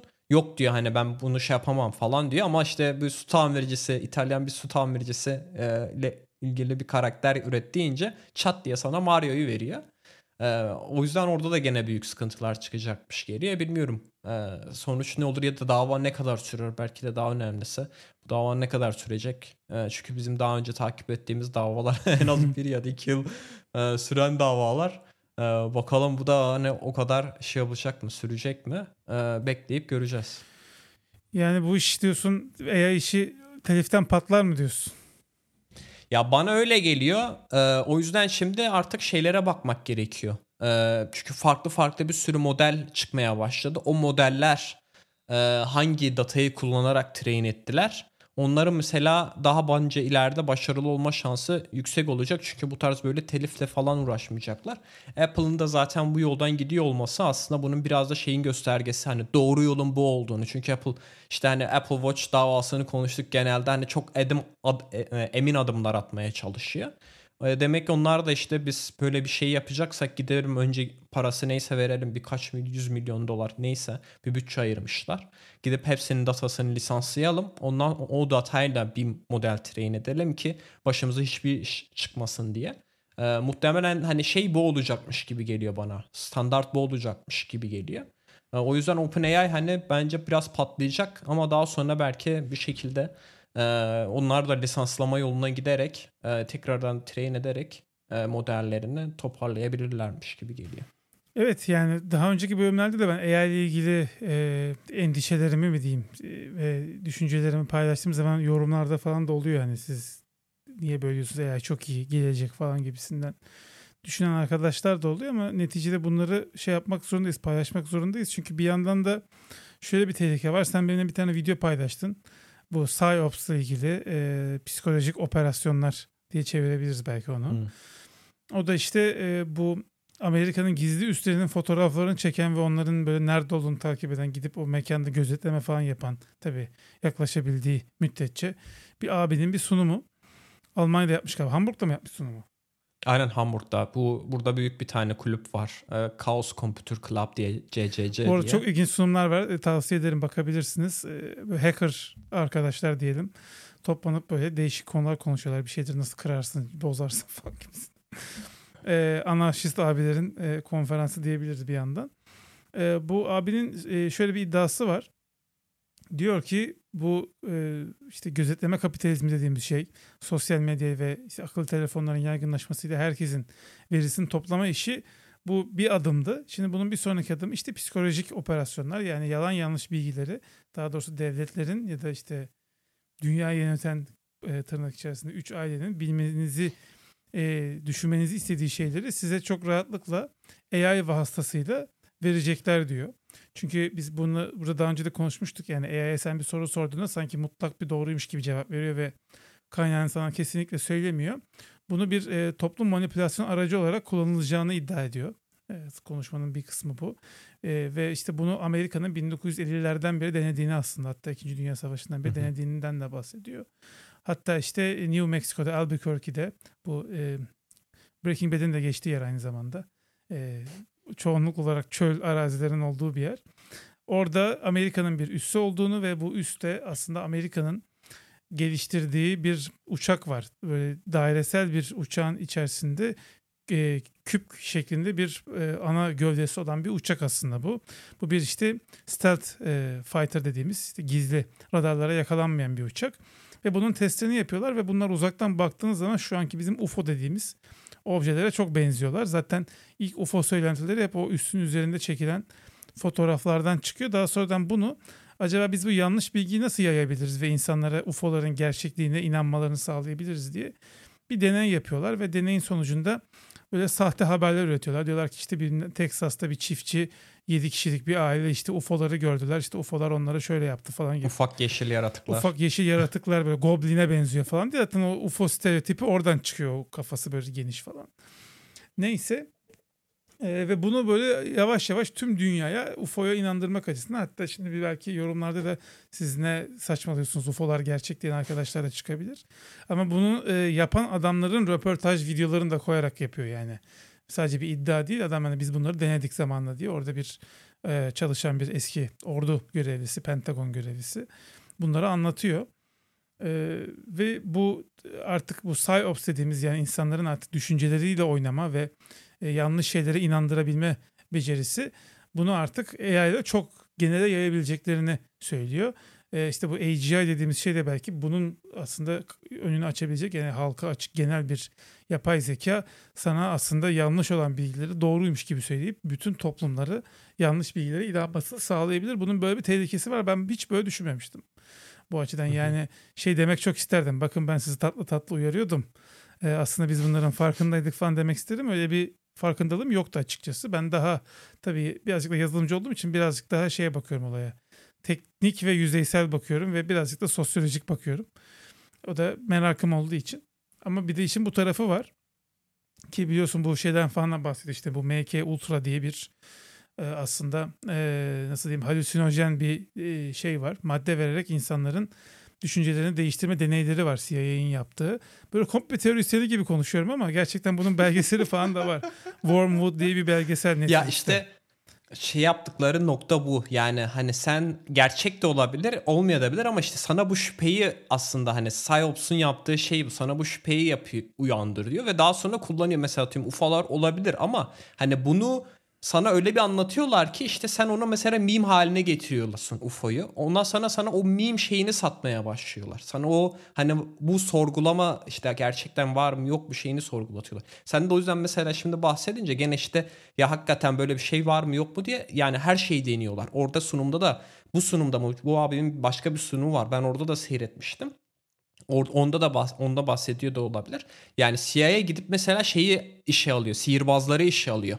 İlk aldığı böyle hani farklı disiplinlerden işe aldığı şey sihirbazlar. Çünkü sihirbazlar insanları aslında çok kolay bir şekilde manipüle edebilen insanlar değil mi? Hani bir anda seni şaşırtabiliyorlar bir şeyler yaparak. Aslında onlardan taktikleri öğrenerek gene benzer şekilde seni hani manipüle etmeye çalışıyorlar. Onları daha sonra kendi sistemlerine uyguluyorlar. Yani işte atıyorum bir CIA ajanı gittiğinde birisinin mesela işte iç, e, içeceğine nasıl bir tane hap atar. Orada gene işte seni manipüle ederek işte sihirbazın yaptığı gibi sihirbaz sen başka yere bakarken bir eliyle başka bir şey yapıyor falan. Hani orada da gene benzer şeyler var. Ben mesela şeyi de okumuştum. Memory hafıza e, hatıra silme e, şeyi falan deneyleri de yapmışlar. Yani sana nasıl senin sahip olduğun işte çünkü orada sana bir şey göstertiyor ama daha sonra bir şey yapıyor çat diye senin hafızandan siliniyor falan. Çok acayip deneyler yapıyorlar yani bu CIA'da açıkçası. Evet ve işte bununla ilgili bir belgesel var Netflix'te Wormwood diye. Bu e, önce CIA çalışanlar üzerine deniyorlar. Hatta adamın biri kaldı otel odasından atıyor kendini aşağı. Ve hatta işte o adamın oğlu birazcık da belgeseli yerli yapan ya da e, baş konuşmacılarından bir tanesi olayın peşine düşüyor. Yani benim babam durduk yere intihar etmez diye. İşte adama belli dozlarda LSD verildiği ve işte bu MK Ultra deneylerine e, maruz kaldığı kendisine söyleniyor. Daha sonradan CIA'nin direktörü ilerleyen yıllarda böyle deneyler yaptıklarını kabul ediyor ve bunları bu daha yapmayacaklarını söylüyor. Fakat tabii ki e, yani böyle bir projenin ardı arkası kesilmez. Şöyle bir şey yapıyorlar. Dünyada fark yani bu teori kısmı burası birazcık. Dünyada farklı dernekler kuruluyorlar ve dünyadaki e, bu diğer kolları vasıtasıyla bu deneylere devam ediyorlar. Hatta Türkiye'de özellikle işte böyle terör olaylarına falan tutuklanan ya da işte suçlu olan insanlar üzerinde yine bu MK Ultra deneylerinin o dernek vasıtasıyla yapıldığını iddia eden çok ciddi kanıtlarda şeyler var ama Tabii bu bir yine teori. Onu şey yapalım yani yatırım tavsiyesi değildir gibi. Ee, direkt e, tuzlukla koşmayalım, inanmayalım ama. Her söylenene inanmayın ama. İnanmayalım ama e, çok işte hani böyle e, farklı tiplerin falan oraya girip çıktığını falan gördüğünü söyleyen ekşi sözlükte okudum ben de. O da güvenilir bir bilgi kaynağı değil tabii de. E, yine de e, gerçeklik payı olabilir. Çünkü öyle bir dernek var gerçekten ve derneğin yeri de var. Ya ee, Tabii. Ve e, New York'taki şeyle bağlantısı da var. Oradaki psikiyatrik araştırmalar yapan dernekle de bir bağlantısı var vesaire. Ee, onlar beni birazcık şüphelendirdi ama net bir şey söyleyeyim ama bu Wormwood'u ben de seyretmedim henüz. Ee, çünkü bu tarz belgeseli hanımla seyretmek biraz şey oluyor. Yani, CIA'nin deneyleri çok ilgisini çekmeyebiliyor. O yüzden hani o yokken de ben de çok fazla bir şey seyredemem. Genellikle beraber yaptığımız için aktiviteleri. Ee, pek fırsatım olmadı ama ya seyredeceğim. Ben de açıkçası bu tarz konulara hani çok şey yaklaşıyorum yani çünkü dediğin gibi böyle bu konunun manyağı olup sürekli bu terörleri takip eden insanlar var. Benim hani zaten seninle de paylaşmış ol, olduğum şey de işte bu bahsettiğim Chaos Computer Club yani burada e, açıp bakarsanız çok e, sağlam hani tabii, tabii. işte iPhone'u nasıl hacklediler falan hani o seviyede açıkçası hani e, sunumlar yapan insanlar var.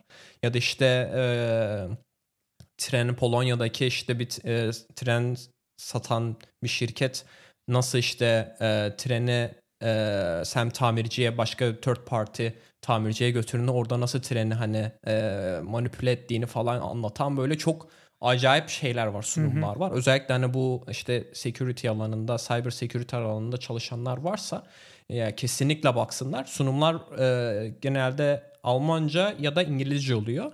E, İngilizcesi bu bahsettiğim sunumda İngilizce bir sunumdu. Ee, dediğim gibi ya ben hani bu şeye tamamen güvendiğimden ötürü bu kulübe güvendiğimden ötürü böyle inceleyip sık dokuyorlar. Bilet paraları da 200 euro zaten ben e, ondan dolayı şey yapmamıştım gidememiştim. Bir de çok çabuk bitiyormuş bilet bile bulamıyorsun yani. Hacker News'te falan sürekli yazıyorlar gene bile bulamadık falan diye. Hmm. E, o kadar şey bir şey aslında popüler bir e, aslında camiada hacker camiasında da bilinen bir şey. Orada gidip aslında biraz nasıl diyeyim yaptığı işlere çok şey Bu konuşan adamın da acayip yani. kitapları var e, Amazon'a satılan. Ve böyle 5 yıldız falan skorları baktım. Baya e, yani bu konular sadece bu e, teorilerle ilgili değil başka konularla ilgili. Area 51 ile ilgili falan da ee, hmm, ya işte sen bir önceki sunumu da seyretsen ben sana onu da atmıştım. Ama işte dediğin gibi zamanın olmadığından dolayı belki bakamamışsın. Şeyde Orada mesela bir saat falan da falan bile attı asıl sunum. O da civarda bir şeydi. Aynen. E, bu bir diğer sunumda da bayağı adam hakikaten gidiyor şeyleri buluyor. Ee, e, havaalanlarını falan şeyden havaalanları üzerinden çünkü şey diyor CIA diyor bir yerde bir görev yapması gerekiyorsa havaalanları da kullanması gerekiyor diyor hmm. ve havaalanları da inanılmaz bir log takibi var. Yani kim indi, kim ne, hangi uçak nereye inebilir falan diye bunları bütün izinlerin ne olursa olsun, hangi Şimdi şirket olursa olsun evet. onları şey yapman gerekiyor. Kaydetmen gerekiyor. Adam oradan reverse engineering yaparak bakıyor hangi şirketlere hangi izinler verilmiş. Ya işte bu şirkete dünyadaki işte bütün Amerikan üstlerine inme izni verilmiş ama işte şirketi gidiyor araştırıyor bakıyor ofisinde kimse yok mesela hmm. falan adam ondan sonra oradan reverse engineering'de kimler olduğunu aslında ve daha sonra kişileri buluyor şirket sahiplerine öyle insanlar yok falan böyle. Hakikaten yani araştırmacılık yaparak bir şeyler buluyor. Yani hani sana bir teorisi ortaya atmıyor. Adam fotoğrafını falan çekiyor. Çok böyle e, uzun zamanlama falan yaparak çeşitli uyduların CIA'nin kullandığı uyduların falan fotoğraflarını da İyi yakalıyor. öldürmemişler Uzak- adam ha. Uzaktan şeyleri falan. Yani o da o da o da biraz şaşırtıcı açıkçası ama şeyi bayağı ortaya çıkartıyor yani şeylerin bu her bir grubun e, farklı patch'leri varmış. Bu biliyorsun şeylerde uzayla ilgili şeyler yapanlar hep görevlerine patch kendi patch'lerini Arma. tasarlarlar ya armalarını. Onların da varmış. Onları falan hepsini açıklıyor. İşte bak bu patch'te aslında şunları şunları ima ediyorlar falan gibisinden. Yani bayağı böyle ilgi çekici şey yani. Hani böyle sağlam sana belgeleri de göstertiyor zaten. Bulduğu belgelerin fotoğraflarını vesaire de koyuyor.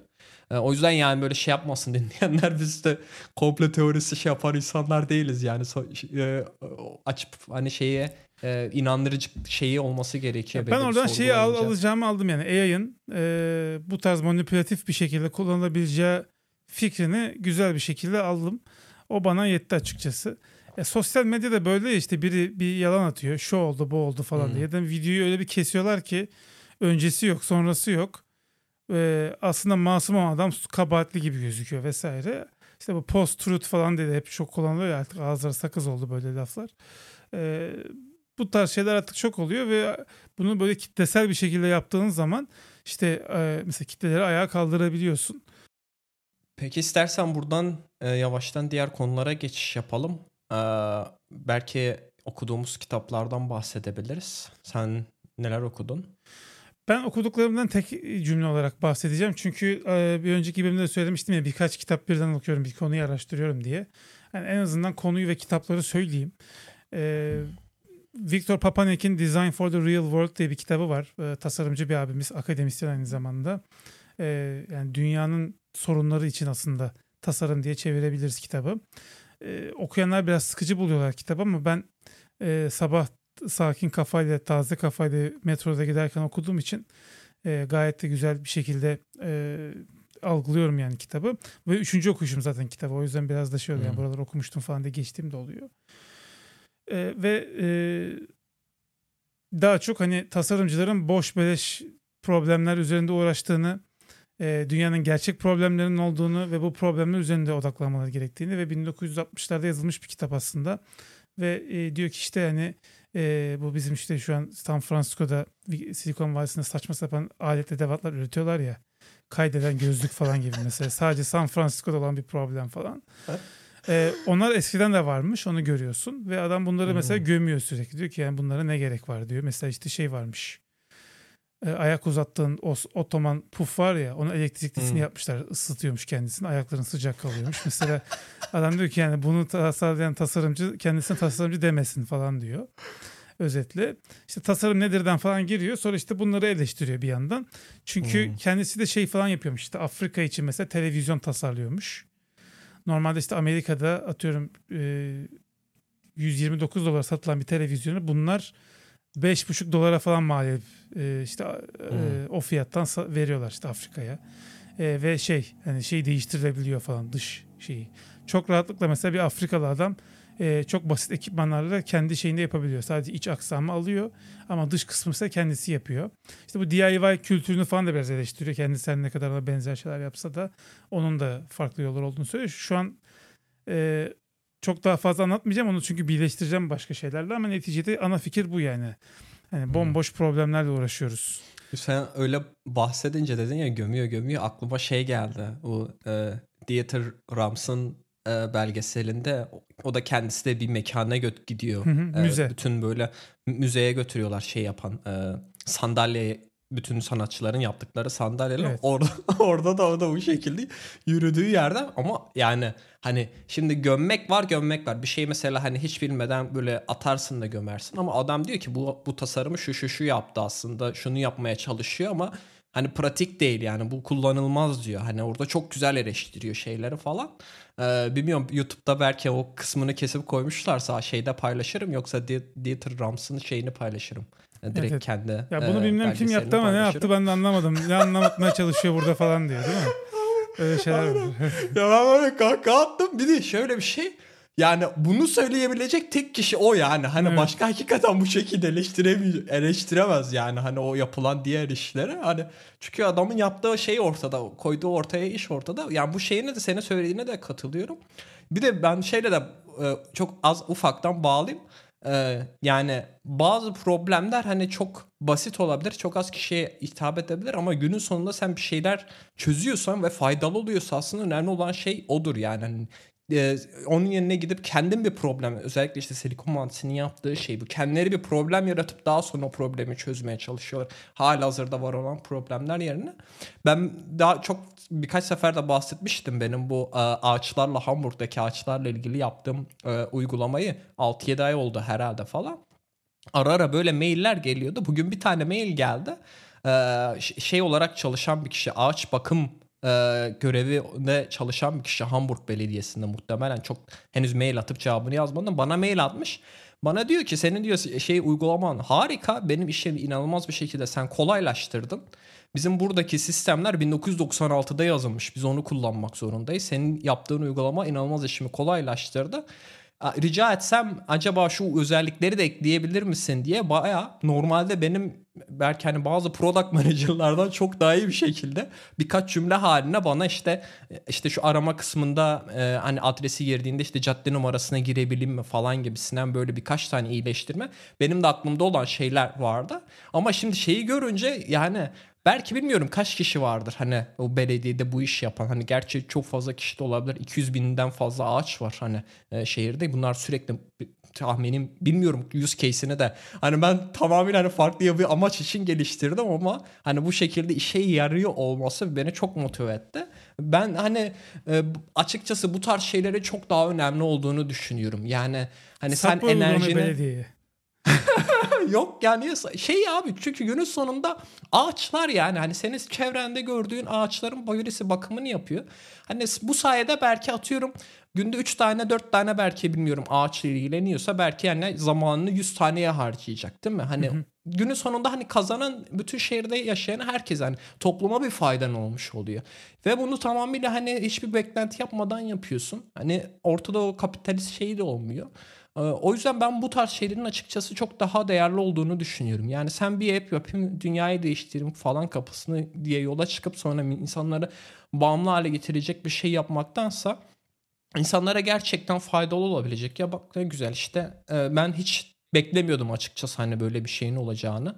Belki hani kendi sistemleri falan vardır diye düşündüm. Şimdi ben kendisine şey yapıp mail atıp soracağım yani bu istediği özellikleri de muhtemelen gene bir boş zamanında geliştireceğim. Ee, hani bu şeydir yani hani topluma hizmettir aslında. Çünkü e, yarın başkası gider, gider bu meslekte çalışır. Ee, şeyi anlamaya çalışıyorum aslında hani oradaki use case ne? Ee, kaç kişi vardır mesela işte kaç kişi bu işi yapıyor ya da işte e, belki bilmiyorum yani iPad'de mi kullanıyorlar ya da işte iPhone'da mı kullanıyorlar. Ben çünkü iPad'de hiç test etmedim bile. Yani bilmiyorum iPad desteği bile olmayabilir. Belki orada hani daha kötü bir görüntü de çıkıyor da olabilir. Hani use case anlayıp onların hakikaten ihtiyacını karşılayacak şekilde bedavadan şey yaparım. Vergisini veren bir vatandaşım ama ekstradan gene belediyeye fayda olacak böyle şeyler de yapmak. Ya beni çok motive ediyor, mutlu ediyor yani açıkçası. Hani evet. ben oturup kaç ay kaç saat böyle şeyimi zamanını harcamışım ama ne güzel işte bir kişi hakikaten kullanıyor ağaçların bakımını kolaylaştırmış. Tabii canım hayatına dokunmak çok acayip bir motivasyon. App geliştiricisi için özellikle çok çok iyi. Yani mobil olduğu için yaptığın şey e, o yüzden ekstra bir faydası olabiliyor. E, hani webde yine onu da ölçersin ama mobilde bir ekstra bir şey bir de sokakta görebiliyorsun mobili. Ya işte lokasyonu çekebiliyorsun ya aslında çat diye sana çok güzel bir tane. Çünkü belki bilmiyorum adam bir şey yapıyor yani bir ağacın yanında duruyor ya da işte ağacı şeylerini falan sorguluyorlar. Numaralar ID'les, ID'si var. Her bir 200 bin tane ağacın ID'si var. Onu da istemiş yani ID ile aratayım ben demiş hani e, adres aratmak yerine. Ben tabii hani bu use case için geliştirmediğimden dolayı böyle bir özellik eklemedim. Ama ekleriz yani sıkıntı değil. Bir boş zamanda hafta sonunda bir iki saatte eklerim yani. Ben böyle araya da girmiş oldum çünkü bağlantılı diye şey yaptım bahsettim. Sen muhtemelen gene Silikon Vadisi ile ilgili diğer iki kitaptan da bahsedecektin. Evet yani benim aslında kafamdaki soru işareti şuydu. Ben hep şunu sorguluyorum. Yani Silikon Vadisi dediğimiz yer bizim gözümüzde çok büyüttüğümüz bir yer mi aslında? Ki e, yani e, hep kimle konuşsa mesela oraya da gitmiş orada da ümitle çalışmış. Abi senin mutlaka oraya gitmen lazım. Acayip bir yer bilmem ne vesaire gibi. Bana biraz böyle dışarıdan tarikat gibi geliyor anladın mı? Yani anlatılan şeyler.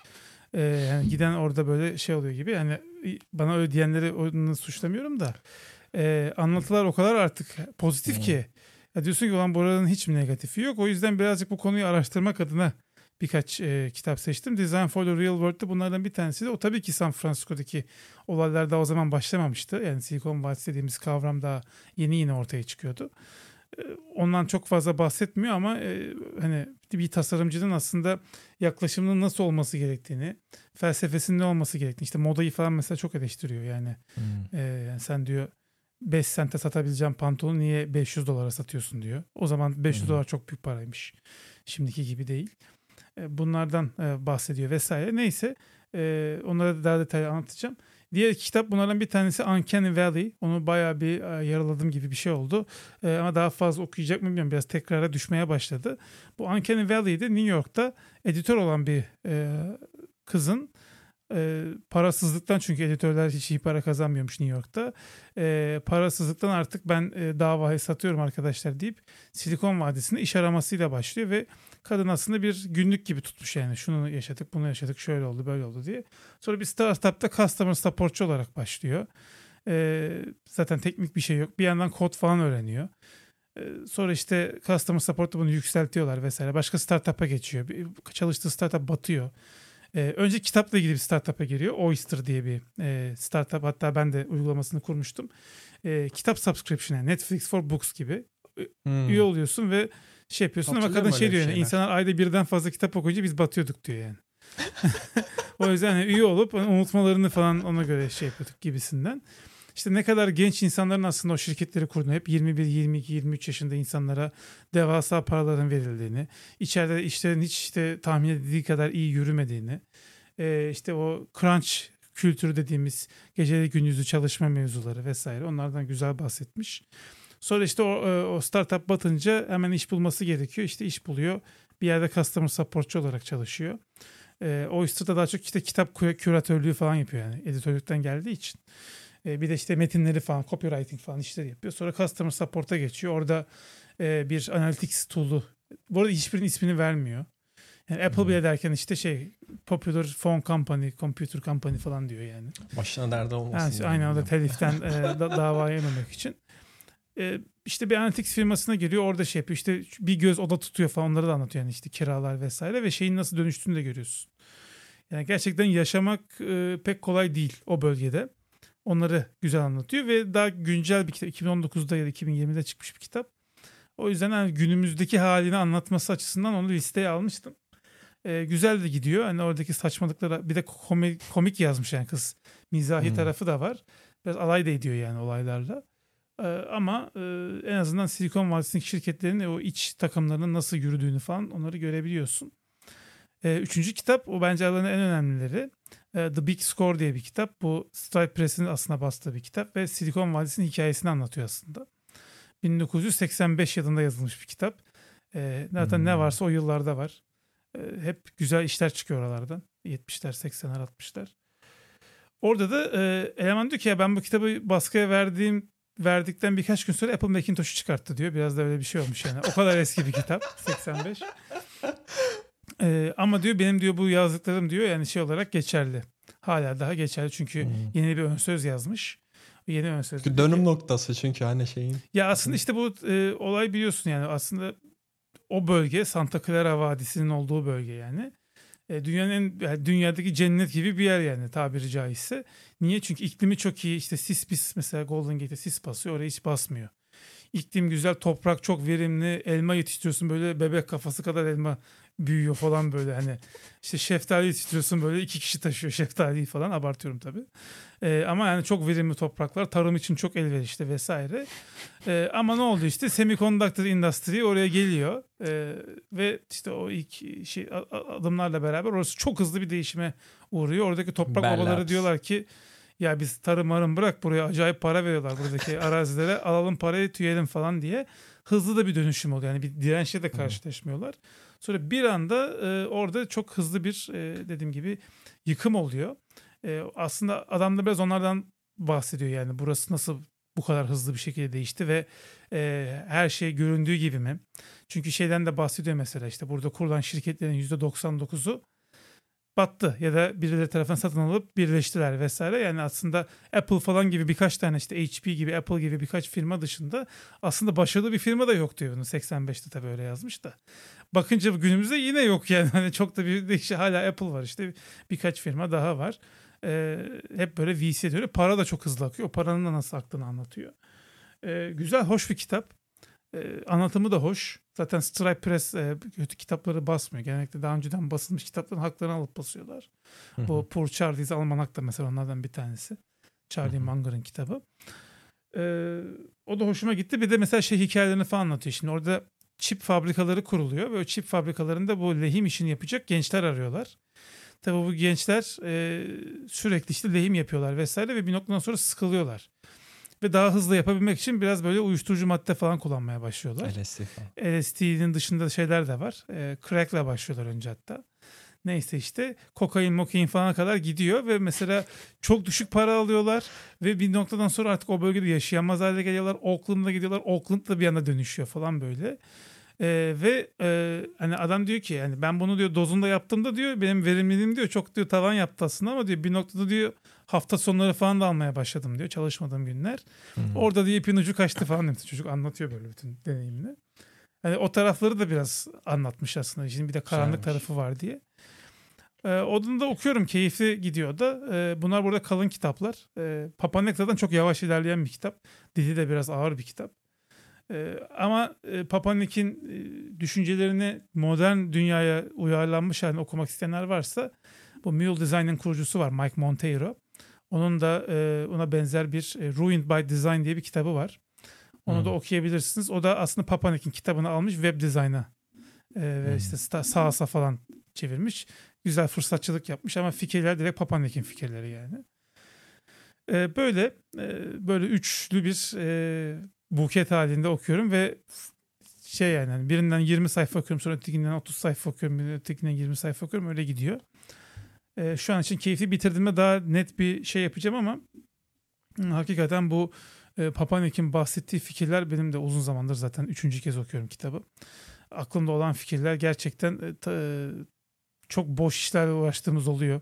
Startup camiası yani e, hiç ya olmayacak fikirler yani. Hani psikolojik psikolojik olarak bence en azından benim için yani hani şey etkisi oluyor bazen. Ee, ya biz hani ben oturuyorum haftada işte 40 saat harcıyorum ortaya iş çıkıyor yani bilmiyorum belki maaşı ödüyordur da yani hani çok saçma iş yani sen şey de diyemiyorsun söz hakkında olmuyor developer olarak çoğu sefer. Ne yazık ki hani böyle saçma sapan şeyler yapman gerekiyor. Yani söylüyorsun ya hani bu böyle böyle şunu yapsak sanki biraz daha faydalı olmaz mı falan gibisinden böyle şeyler söylüyorsun. Ya ben mesela gene benim ilk çalıştığım şirkette mesela sadece şeye odaklanıyorlardı. İşte bu white collar beyaz yaka insanları odaklanıyorlardı iş ilanı vesaire konusunda. Ben diyordum ya bakın bir sürü insan bizim bir, bir funnel'dan şeyler sürekli geliyordu. Ee, blue collar e, işçiler geliyordu. Ya bakın hani bunlara onboarding eden farklı bir funnel yaratalım diyordum ki onlar da iş bulabilsin. Onlar da ilanlar olsun falan. Kimse takmıyordu abi yani hani o an. Yok biz onu ilgimiz değil. Biz sadece şeye oda, beyaz yakalıya odaklanacağız diyorlardı. Ben gene geçen gün hala takip ediyorum çünkü bir sürü arkadaşım çalışıyor orada. Bir tane işte yeni reklam şerisi yapmışlar. Yeni bir futbol ligi varmış ufak. Futbol ligi ne sponsor abi? Futbol ligi e, ne yani? Mavi beyaz yaka insan değil yani futbol ligi. Futbol liginin maçlarını takip eden insanlar da çoğunlukla hani e, şey evet, yakayı, ma- ben mavi de futbol ligi takip ettiğim için. Aynen ama işte yani şeyi mesela genelde hani çıkış noktalar falan da hep öyle oluyor ya işçi şeylerinin falan takımları vesaire oluyor. Hani e ne oldu oraya döndün şimdi ama kaç yıl kaybettin sen aradan işte ne yazık ki şey olmuyorsun ve sen sadece düşünüyorsun ya ben işte muhtemelen şunları şunlar üzerine çalışıyorum muhtemelen yok yani artık hani kod falan silinmiştir o app silinmiştir artık.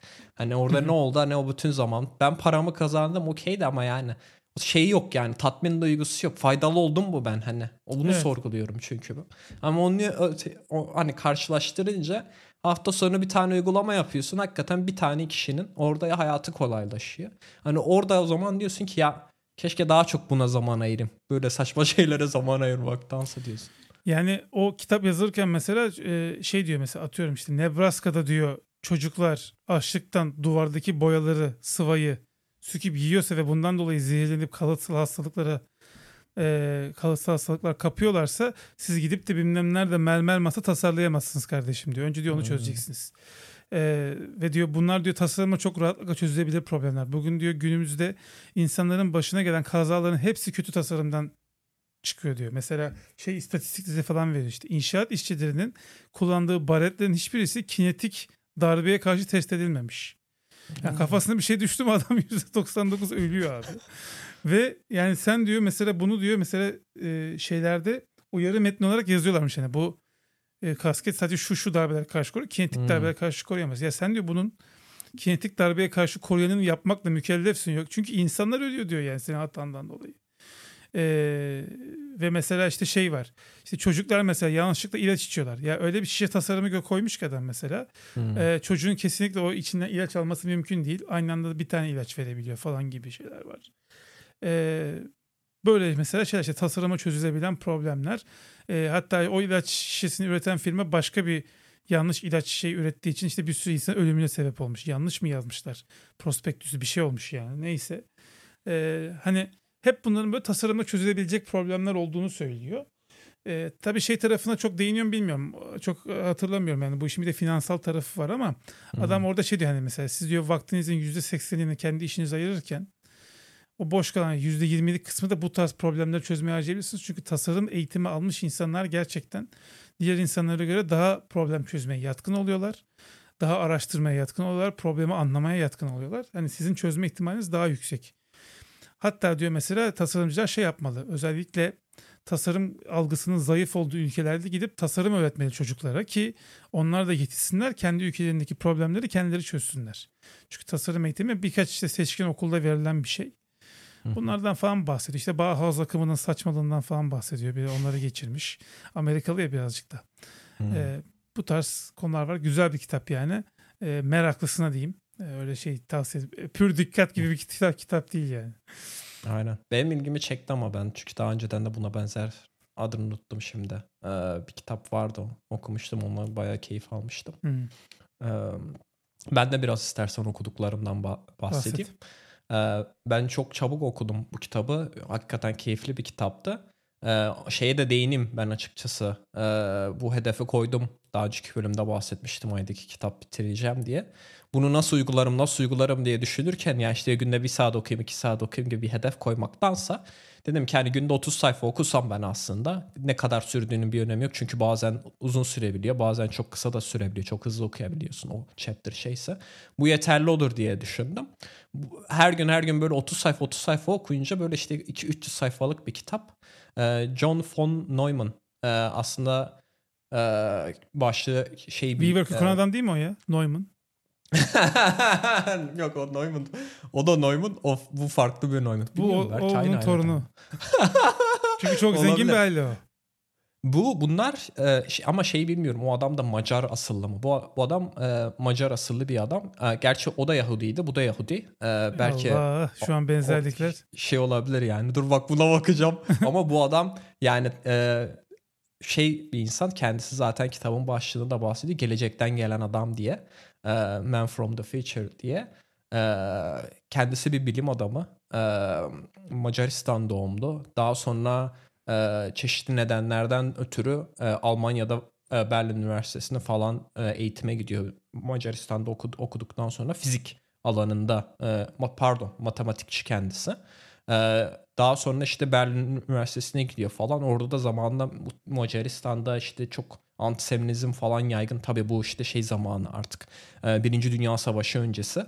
E, çok yaygın olduğundan dolayı hatta şeylerini falan değiştiriyorlarmış. Dinlerini değiştiriyormuş. Hristiyanlığa geçiş yapıyorlarmış. Kendisi de daha sonra işte şeye gidiyor. Berlin Üniversitesi'ne falan okumaya gidiyor. E, ardından şeyi hissetmeye başlıyorlar. Ya şey ısınıyor. E, bir ortalık karışacak. Vaziyet almak gerek diye düşünürken bir anda kendisine şeyden iş teklifi geliyor. Kendisi işte matematik çeşitli çalışmalar vesaire yapıyor. E, daha sonra Princeton Ünivers- Üniversitesi Amerika'da. Bu da çok bayağı e, büyük ünlü bir üniversitedir. Çünkü Einstein falan da gidip daha sonra işte Almanya'dan e, göç ettikten sonra bu üniversitede çalışmış. Böyle aklınıza gelebilecek birçok e, kişi bu üniversiteye gidip orada araştırma görevlisi ya da işte profesör olarak çalışmaya başlıyorlar. Kendisi de bunlardan bir tanesi. İşin garibi kendisine çok böyle yüklü bir miktar maaş veriyorlar. Şu an nasıl hani Amerika gene işte e, çeşitli e, bilim adamlarının ya da işte yazılımcıları vesaire Avrupa'daki nasıl alıyorsa gene benzer taktikleri de işte 1900 ne bileyim işte 30'lu yıllarda falan 20'li yıllarda da uygulayarak e, bütün şeyleri toplamaya başlamışlar. Kendisi de gidip orada çalışmalar yapmaya başlıyor. E, yaptığı çalışmalardan ilki ben gene şeyde kitaptaki e, kronolojik sıralamayla şey yapıyorum. Belki tarihleri farklı olabilir. Yaptığı ilk çalışmalardan bir tanesinde kuantum fiziğine katkı sağlıyor. E, matematikçi olmasından ötürü orada e, her ne kadar fizik biraz daha ilgili şey olsa da matematiğini kullanarak çok büyük katkılar sağlıyor. Ee, daha sonra e, kendisi e, Manhattan projesinde çalışıyor Oo. Oppenheimer'la birlikte. Ee, ama bu abimiz biraz daha nasıl diyeyim e, şeyleri daha sıkı kendisinin. Amerika devletiyle, Amerika askeri birliğiyle şeyi çok daha sıkı sıkı olduğundan dolayı çalışmaya devam ediyor Manhattan projesinde. Manhattan projesinde yaptığı şey de aslında kendisi matematikçi olduğundan dolayı e, orada hazırlanan bombalar patladıktan sonra etki alanı ne kadar olacak onu hesap ediyor kendisi matematik kullanarak. Ve e, oradaki tabii ki amaç da olabildiğince e, şeyi etkiyi arttırmak, bombanın patlama etkisini arttırmak. E, bu konu üzerine çalışırken bu ENIAC aslında bizim genelde işte bilgisayar bilimleri okuyanlar. Bina büyüklüğünde bilgisayar dedikleri bilgisayar. Aynen. Işte. İlk bilgisayarlardan. Bunu aslında sürekli simülasyon çalışmaları yapıyorlar. Bunlar şeylerin matematik modellerini sürekli orada çalıştırarak hesap ediyorlar. İşte biz bombayı atıyorum e, şu yükseklikte patlatırsak etki alanı ne olur? Yere çarpıp patlarsa etki alanı ne olur vesaire gibisinden. Bu abimiz de diyor ki ya işte yere çarpıp patlatmayın bombayı. Onun yerine havada bir miktar patlatırsa buradaki tabii ki söz konusu bomba da atom bombası e, onun evet. etki alanı çok daha büyük olur diye bu, bu şekilde hani yaptığı çalışmalardan sonra bunu buluyor. Ama işte bizim için benim bu kitabı neden ok- okuma nedenim hani bu kişiyi merak etme nedenim de daha sonra bu çalışmalar sırasında şeyin farkına varıyor. Ya bu e, bilgisayar denen şey aslında inanılmaz kullanışlı bir şey. E, adamın arkasında da e, Amerika'nın askeri bütçesi olduğundan dolayı kendilerini de sürekli çünkü o zamanlarda artık şey ya, atom bombasını yapıyorlar biliyorsun durmuyor artık şeye başlıyorlar. Hidrojen bombası yapmaya başlıyor Amerika falan. Ve orada sürekli hesaplama yapmaları gerekiyor. Çünkü hani atıyorum bomba atıyorsan bir kere atıyorsun falan değil mi? Yani hani onun etki alanının yüksek olması gerekiyor. Tabii çok kötü şeyler bunlar. Hani günün sonunda evet, bir cehenneme odun ölüyor. olabilir kendisi. Aynen. Ee, ondan sonra orada şeyi farkına varıyor. Ya işte hani bilgisayarlarla biz inanılmaz şeyler yapabiliyoruz. Bu tarz büyük hesaplamalar yapabiliyoruz. Ve daha sonra kendisi bizim aslında günümüzdeki bilgisayar konseptini yaratıyor. Tabi buradaki konsepti yatar, yaparken muhtemelen e, Alan Turing'in de etkisi var. Çünkü Alan Turing de Princeton'a gelip orada e, asistanlık yapıyor. Kendi oradaki bilmiyorum doktora çalışmasını mı yapıyor ne yapıyor. Oradan kendisi birlikte bayağı bir sohbet etme şansını buluyor. Daha sonra kendisi İngiltere'ye de gidiyor. İngiltere'deyken de Alan Turing'le gene sohbet ettiği söyleniyor. Alan Turing gibi hani böyle bilgisayar icat eden kişiden ziyade bilgisayar genel olarak konseptini kendisi yazıyor bahsettiği konsept de şu. İşte bir tane Central Processing Unit olması. Yani işlemci olması gerekiyor. Daha sonra bunu denetleyecek işte verilen işlemler gerçekleştiririm diye başka bir sistem olması gerekiyor. Daha sonra memory, hafıza olması gerekiyor. Daha sonra diyor ki işte bir input output sistem olması gerekiyor. Tabi bunları şey demişti klavye mouse olacak değil de hani sisteme bir input verebildiğin ve bir, Matematik bir girdi verebileceğin. Input veriyorsun, Aynen. var. Ya, tamamıyla hani bu şeyi konsepti yaratıyor. Bu konsept yaratıldıktan sonra da zaten farklı versiyonda bilgisayarlar yaratıyor. Ee, IBM'e falan da yanlış hatırlamıyorsam danışmanlık falan da veriyorlar. Zaten IBM götürüyor genelde bu bilgisayar çalışmalarını o sıralarda ve genelde yapılan çalışmalarda şeye askeriye aslında satılıyor. Ee, bu sırf hesaplamaları daha iyi yapabilmek için çünkü çok yüksek miktarda para gerektiren yatırım gerektiren işler. Ee, kendisi de bu bilgisayar konseptini kuruyor. O yüzden çok böyle e, e, anılan bir kişi e, bu alanda. E, bilgisayarım işte böyle e, günümüzde kullandığımız bilgisayarın böyle atalarından e, biri şeklinde e, tanıtılıyor. Benim okuma nedenim de buydu açıkçası. Ya çünkü bahsediyorlar Hackerista falan da ya çok büyük adamdı falan gibisine. Şimdi biz tabii olayları biraz daha değerlendirirken hani Amerika dışından değerlendirdiğimiz için biz işte iyisiyle kötüsüyle değerlendiriyoruz ama Amerika tabii ki hani güçlü olmayı sevdiklerinden ötürü hani şeyi çok umursamıyorlar. Hani e, yapılan iş iyi midir, kötü müdür, etik midir kısmını şey yapmaktan ziyade işin büyüklüğüne bakıyorlar. O yüzden e, çok e, bahsedilen, konuşulan bir insan. E, daha sonra kendisi bu oyun teorisinin e, de e, kurucularından bir tanesi oluyor. Biz oyun teorisini daha çok şeyden biliyoruz. Bir tane film vardı. Eee Russell Crowe oynuyordu yanlış hatırlamıyorsam. Beautiful Mind diye. Hı, evet, evet. Russell Crowe değil miydi? Evet, evet. Değil mi? Deli ee, orada e, deli oynuyor. Oradaki abimiz hakikaten orada biraz şey diyor kitapta da bahsediyor romantize ederek anlatılmış ama aslında biraz e, sorunlu bir kişiymiş. E, John Nash'ti yanlış hatırlamıyorsam. Hı hı, evet. e, biraz sorunlu bir insanmış. O e, şimdi John von Neumann oyun teorisinin temellerini atıyor. İşte sen iki kişi e, bir oyun oynarlarsa bunun kazanma şeylerini falan hesaplamalarını yapıyor. Daha sonra işte e, üç kişiyle falan mı oynanırsa onu da yapıyor ama şeyi hesap yetmiyor yani en kişi ve orada hep şeyi bakıyor. İşbirliği aslında oyun teorisinin işbirliği e, konuşarak bir şeyler yaparak işi yaparsan aslında daha faydalı olur gibisinden bir sonuca çıkıyor ve bu da onun hoşuna gidiyor. Ee, bir de şeyi de değinecektim. Bak onu da unuttum. Ondan da bahsedeyim. Bu abimiz Amerika'ya taşındıktan sonra şeyden çok yakınıyor. Ee, ya diyor Amerika'ya geldik diyor. Hiç kafe yok diyor. Bir şey yok diyor. Biz diyor Avrupa'dayken diyor bilim adamları gidiyoruz kafede diyor böyle entelektüel sohbet ediyoruz diyor. Amerika'da diyor öyle bir şey yok diyor. Hani Starbucks'ın orada çıkma nedeni de bu aslında. Hani öyle bir kültür olmadığından ötürü Amerika'da. Çünkü hani mesafeler uzak, şeyler uzak, arabayla gidiyorsun falan filan. O yüzden bunun eşi şeyler düzenlemeye başlıyor. Partiler düzenlemeye başlıyor kendi evlerinde. Bu sayede o e, işte bilim adamlarını, kendi iş arkadaşlarını falan sürekli partilere davet ediyorlar. Orada hani sürdürüyorlar bu sohbetlerini. Ondan sürekli yakınıyor. Ee, ya diyor işte Avrupa'da ne güzel böyle şey yapıyorduk falan. Tabii orada şeyi de görüyorsun aslında. Ee, savaşın tabii çok kötü bir şey olduğunu biliyoruz insanların ölmesinden ötürü falan ama bir de böyle arka plandaki olan kısmını da görüyorsun. Teknolojik bir bilim adamı. Hı hı. Hı? Teknolojik ilerlemeye sebep oluyor. Aynen. Ya hem teknolojik ilerletmeyi sen öyle ama sen ülke olarak mesela işte Almanya özelinde baktığında ülke olarak sahip olduğun bütün bilim adamlarını kaybediyorsun. Çünkü kimse orada şey yapmak tabii hepsi değil. Bazıları da kalıp daha da büyük işler başarıyorlar. Wolfenstein miydi? Ama... O kadar. ne bilim adamları vardı orada. O, orada da var. Ya şeyler falan da aslında onu da bahsetmek belki gerekir hani. Ee, e, Amerika'nın aya e, insan gönderebiliyor olmasının nedeni gene orada aslında e, Nazi bilim adamlarının yaptığı roket çalışmaları. Ee, her neyse orada da tabii ama işte birçoğu Amerika'ya gidiyor. Amerika'nın hani bu şekilde bir anda hani advanced seviyeye ulaşmasının nedeni buradaki bilim adamların hepsini toplamış olması. Çünkü daha sonra şimdi adam gelince ya diyor ki ya benim diyor bir sürü diyor işte şu şu alanlarda çalışan arkadaşlarım var diyor Almanya'da. Şimdi savaş da koptu bu adamlar da şey yapmak istemiyorlar.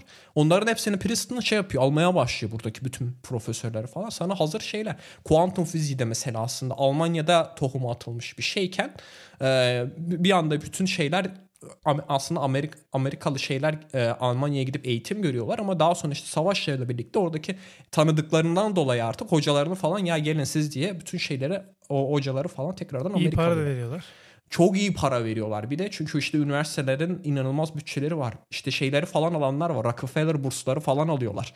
Bir, birçoğu onun burslu falan geliyorlar. Ya da işte Rockefeller'ın gene bursuyla projeler yapıyorlar. Çeşitli projeler falan yapıyorlar. Orada gene şeyi görüyorsun. Adam petrolden kazandığı parayı gene çok iyi değerlendiriyor. Yani muazzam bir şekilde değerlendiriyor. İşte ülkeyi kalkındırmanın yolu bu işte.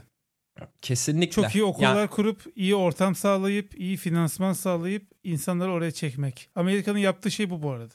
Tamamen immigrantların e, elinden büyümüş e, bir ülke. Kesinlikle. Bugün mesela gidip şeye baksınlar. OpenAI övülüyor şey yapıyor. Kaç kişi kaç tane hani orijinal Amerikalı vardır? Yok çünkü genelde işte ne oluyor? Asya'dan falan bu sefer değil mi? Gelen bir sürü e, göçmenler oluyor. Ya da Hindistan'dan gelen işte en büyük şirketlerine bak Google'ın şeyi Microsoft'un CEO'su niye Hindistan'da? Çünkü göçmenleri bu şekilde çok iyi çekebiliyorlar. İşte para dolunca senin dediğin gibi böyle bir sonuça varıyor. Ee, işte bu oyun teorisini yazdıktan sonra da tekrar oraya dönecek olursak e, John Nash farklı bir açıdan yaklaşıyor. Diyor ki e, ya aslında bu insanlar birbiriyle konuşmasa çok daha iyi olur sonuç olarak. Ortaya daha iyi bir sonuç çıkar diyor. Orada da şey bu Prisoner's Dilemma denilen hı hı. E, e, suçlunun e, şeyi dil, dilemma neydi? İkileme. Hı hı. Suçlunun ikilemi diye belki çevirebileceğimiz e, bir e, ikilem var. İki tane suçlu. E, ikisine böyle e, farklı farklı o- farklı odalara koyuyorlar ve suçlarını itiraf etmesini istiyorlar. Sen diyorlar işte böyle böyle suç yaptın mı falan filan diye böyle her birinin farklı farklı konuşmalarına izin vermiyorlar. Oradaki işte çıktı aslında ikisi de şey olursa e, İnkar ederse. inkar ederse işte iki yıl yatacaklar. Bir tanesi e, birine işte derse bu işte Seyfettin suçlu derse kendisi bir yıl yatacak. Öteki e, Seyfettin üç yıl yatacak gibi oluyor. Falan filan böyle ama oradaki asıl anlatmaya çalıştığı John Nash'in şey bu iki kişi aslında konuşmadığında ortaya çok daha iyi bir sonuç çıktı. Bu şeyin hoşuna çok daha gitmiyor. hesaplanıyor. Aynen şeyler daha olası, olasılığı daha yüksek oluyor. Ee, başarı olasılığı. Ee, şey John, bu tabii von Neumann'ın hoşuna gitmiyor çünkü diyor insanlar hani bir işbirliği yapmıyor. Şeyden dolayı da çok kızgın. Ee, kendisi Amerika'da yaşamak zorunda kaldığından dolayı çünkü şeye hep bir özlemi var. Ya Avrupa'ya bir özlemi var. Bizim orada süper bir ortamımız vardı. Kafelere gidip biz burada inanılmaz şeyler yapıyorduk. Sanat vesaire alanlarında inanılmaz çalışmalar vardı Avrupa'da. Çünkü o sürekli geziyor işte. Başka üniversiteler çağırıyor. Adam İsviçre'ye gidiyor. İsviçre'de bilmem nenin en başındaki adamla çalışıyor falan böyle. Yani inanılmaz bir ortam var. O yüzden çok sinirli hani böyle şeye e, e, bu savaşa falan e, savaşın çıkmış olmasını. O yüzden böyle insanların daha çok böyle işbirliği yapmasını. Adamın bence motive eden şey bu atom bombasını vesaire gibi çalışmalarını motive eden şey de bence hala şeyi bu. E, Kini. insana çalışmaktan. Ha kin. şeydeki kini e, e, İyi de savaşta şeye Çok duydu insan o insanlara. Ya, ya işte hem Bir de Japonlar öldü. Avrupalılar da değil yani. Ya o da o da işte Oppenheimer'da onu da bahsediyor. Adam şehri böyle rastgele seçiyorlar. Şey diyor ben diyor eşimle tatile çıkmıştım orayı o şehri atmayın falan diyor bombayı. Yani ba- bazı diyor işte şu şehir işte çok tarihi bir şehir oraya da atmayın falan böyle şey olarak seçiyorlar. Ee, çok e, üzünlü tabii ki böyle bir şeyin olmasa. Ama işte kendisi de gene oyun teorisine inanılmaz çalışmalar yapıyor ve oyun teorisi de aslında Seyfettin e, çok farklı alanlarda kullanılıyor. Sa- sadece bu bahsettiğim şeylerden ziyade e, işte bu açık arttırma platformlarında falan bu kullanılıyor. Ondan sonra e, işte Google mesela işte reklam verirken açık arttırma sistemi kullanıyor. Orada mesela gene oyun teorisini kullanıyorlarmış. Matchmaking sistemi oyunlarda bizim e, hep yakındığımız şeyler. Orada bilmiyorum belki doğru bir şekilde kullanamıyor. Belki okumamışlardır yeteri kadar makale. Bu matchmaking sistemine ne? Eşleştirme oyuncuları nasıl iyi eşleştirirsin ki dengeli bir oyun olsun aslında. Bu da gene oyun teorisiyle çözülen bir şeymiş. Sen araya girip bir şey diyecektin. Sen. matchmaking aslında kötü değil. Hatta eskiden matchmaking belki daha iyiydi ama e, matchmaking'de hesaba katamadıkları değişkenler var. O da oyuncuların performansları o. Çok dalgalı performans olan insanlar var. Mesela bir Hmm. gün çok iyi oynayıp bir maç çok iyi oynayıp bir sonraki maç çok kötü oynayabiliyor. Onu kestiremiyor oyun. Olabilir. Doğrudur. Ee, bunun dışında e, bir, son olarak da şey çalışması yapıyordu. Otomata dediği aslında robot üreten robotlar. Ee, buna baya bir kafa yoruyor kendisi. Bunun, bunun nedeni de işte hep şeyi o zamanlar artık e, şeylere kafa yoruyorlar. Ya biz işte Aya kol- koloni kullanalım ama koloniyi nasıl kullanırsan buradan sürekli bir şey gönderemezsin. Ama biz oraya işte bir tane robot gönderelim. Bu gönderdiğimiz robot aydaki e, madenleri kullanarak kendisine benzer başka bir robot yapsın. Daha sonra o robot da gene kendisine benzer başka bir robot yapsın. Bu şekilde bu şekilde bir sürü robot ortaya çıkıp daha sonraki biz oradaki madenleri işte dünyaya gönderelim gibisinden böyle teoriler var. Bunun konular hakkında da çok fazla makaleler yazıyor. Ee, genel anlamda yani çok etkileyici bir insan zaten şeyden Amerikan başkanından madalya falan da alıyor ama daha sonra işte bir e, kanser hastalığından dolayı önce tekerlekli sandalyeyi kullanmak zorunda kalıyor. Daha sonra da hayatını kaybediyor bayağı yanlış bilmiyorsam erken yaşta 50-50'li yaşlarda falan yanlış hatırlamıyorsam. Ee, Peki atom bombası çalışmalarının bunda bir payı var mı? Aa, şeyden mi? Aa, oradaki şeyden dolayı Kanser diyorsun? diyorum. Radyasyondan dolayı. Aa, güzel. Yok ona değinmiyordu açıkçası hiçbir şekilde. Şeyde çok fazla. e, Los Al- Al- Al- neydi? Alamos. Los Alamos'ta e, çok fazla zaman geçiriyor kendisi. O proje bittikten sonra hatta Oppenheimer'ın falan davası oluyor. Oppenheimer'ın şeyini kesiyorlar çünkü. Fişini kesiyorlar. Öyle diyeyim çok kabaca. Adamı artık şey yapmıyorlar, izin vermiyorlar projede çalışmasına ama kendisi sürekli e, özel uçaklarla alıyorlar bunu başka yerlere götürüyorlar falan. Amerika e, askeri şeyiyle çok fazla çok yakın şekilde çalışıyor ama işte bunu da çok iyi kullanabiliyor. Çünkü oradan bir sürü para geliyor. O para sayesinde böyle farklı projelere kaynak harcanabiliyor işte. Bilgisayarlar çeşitli daha güçlü bilgisayarlar geliştirilmesine vesaire. O açıdan aslında çok önemli. Bilgisayar biliminde işte bu bu işte oyun teorisi vesaire gibi katkılarından dolayı da çok e, kendisi önemli bir insan. Kitap da çok güzel bir şekilde anlatmış. Bir tek hoşuma gitmeyen kısmı bazen böyle işte e, kuantumdan bahsediyor. Kuantum fiziğinden baş, bahsediyor. Şeyi bekliyorsun sen işte hani bu adamın kuantum fiziğine yaptığı katkısını anlatacak. Yani ondan azıcık bahsediyor. Ondan sonra bir sürü kuantum fiziği anlatıyor sana. İşte oradaki çalışmalar kimler çalıştı falan. Şey açısından güzel. Sen genel olarak konuyu anlıyorsun. Ben mesela işte orada kuantum fiziğini ki çalışmaları an, anladım. Ondan sonra işte atom bombasındaki yapılan çalışmaları anladım. Ondan sonra oyun teorisindeki bütün çalışmaları. Hani çok güzel aslında özetlenmiş ama bir yandan da şey oluyor ya sen bana bu adamı anlat diye, diyesi hmm. geliyor. Çünkü orada gidip adamın işte bilmem ne asistanı geliyor. Başka asistanlar falan çalışıyor. Onların mesele detaylarını yapıyor. Daha sonra işte başkaları işte von Neumann'ın yazdığı makalelerden etkilenerek başka makaleler yapıp daha iyi işler ortaya çıkarıyor ve bunların çoğu da Nobel alıyor bu arada. Yani bu insanlar hmm. kendisi de yanlış hatırlamıyorsam almış olabilir. Nobel almış olabilir. Ee, ama farklı bir çalışmadan dolayı şeydeki değil muhtemelen atom bombasındaki çalışmasından dolayı değil. Ee, o yüzden çok faydalı. Ee, ben e, keyif alarak okudum. Ee, şeyden de belli zaten çok çabuk bir şekilde bitirdim kitabı. Ee, akıcı bir kitap o açıdan. Böyle farklı farklı konular hakkında şey yapıyorsun. E, bilgiler edinebiliyorsun. Ee, bunun dışında bir tane de kitaba bahsettim. Bunu sen bana tavsiye etmiştin ama sen muhtemelen şey zaten ben kitap çıkmadan bahsetmiştin. Sen böyle bir kitap var bir bak Mert demiştin. Senin ilgini çeker diye. Ben de hemen şey yapmıştım. Aa dedim başlığına bakıp ya çok güzel bir kitap diye. Ee, altyapı nasıl çalışır? How Infrastructure Works diye bir tane bir kitap. Ee, aldım okumaya başladım. Abi yani yani kitap yani ben önce şeye şaşırdım. Bu kitabı nasıl başmışlar? Biraz ona şaşırdım. Çünkü benim beklentim şuydu. Altyapı nasıl çalışır değil mi? Altyapı sistemleri nelerdir? İşte atık su değil mi? Normal temiz su, işte elektrik, doğalgaz, işte e, trafik değil mi? Ya da işte e, tren vesaire altyapısı ya da internet, radyo altyapısı falan. Bunları böyle detaylı bir şekilde işlerdir diye böyle tahmin ediyordum kitapta.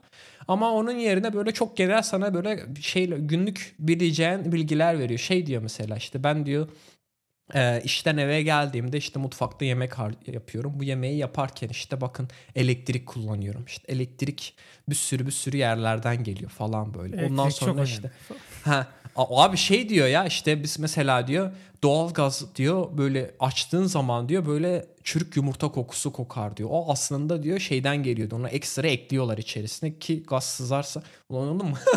yani bu anlatılacak bir şey. Bunu bilmeyen mi var? Yani hani çok saçma geliyor. Bazı en son artık ya ben dedim ki herhalde bu böyle bir giriş yapıyor hani.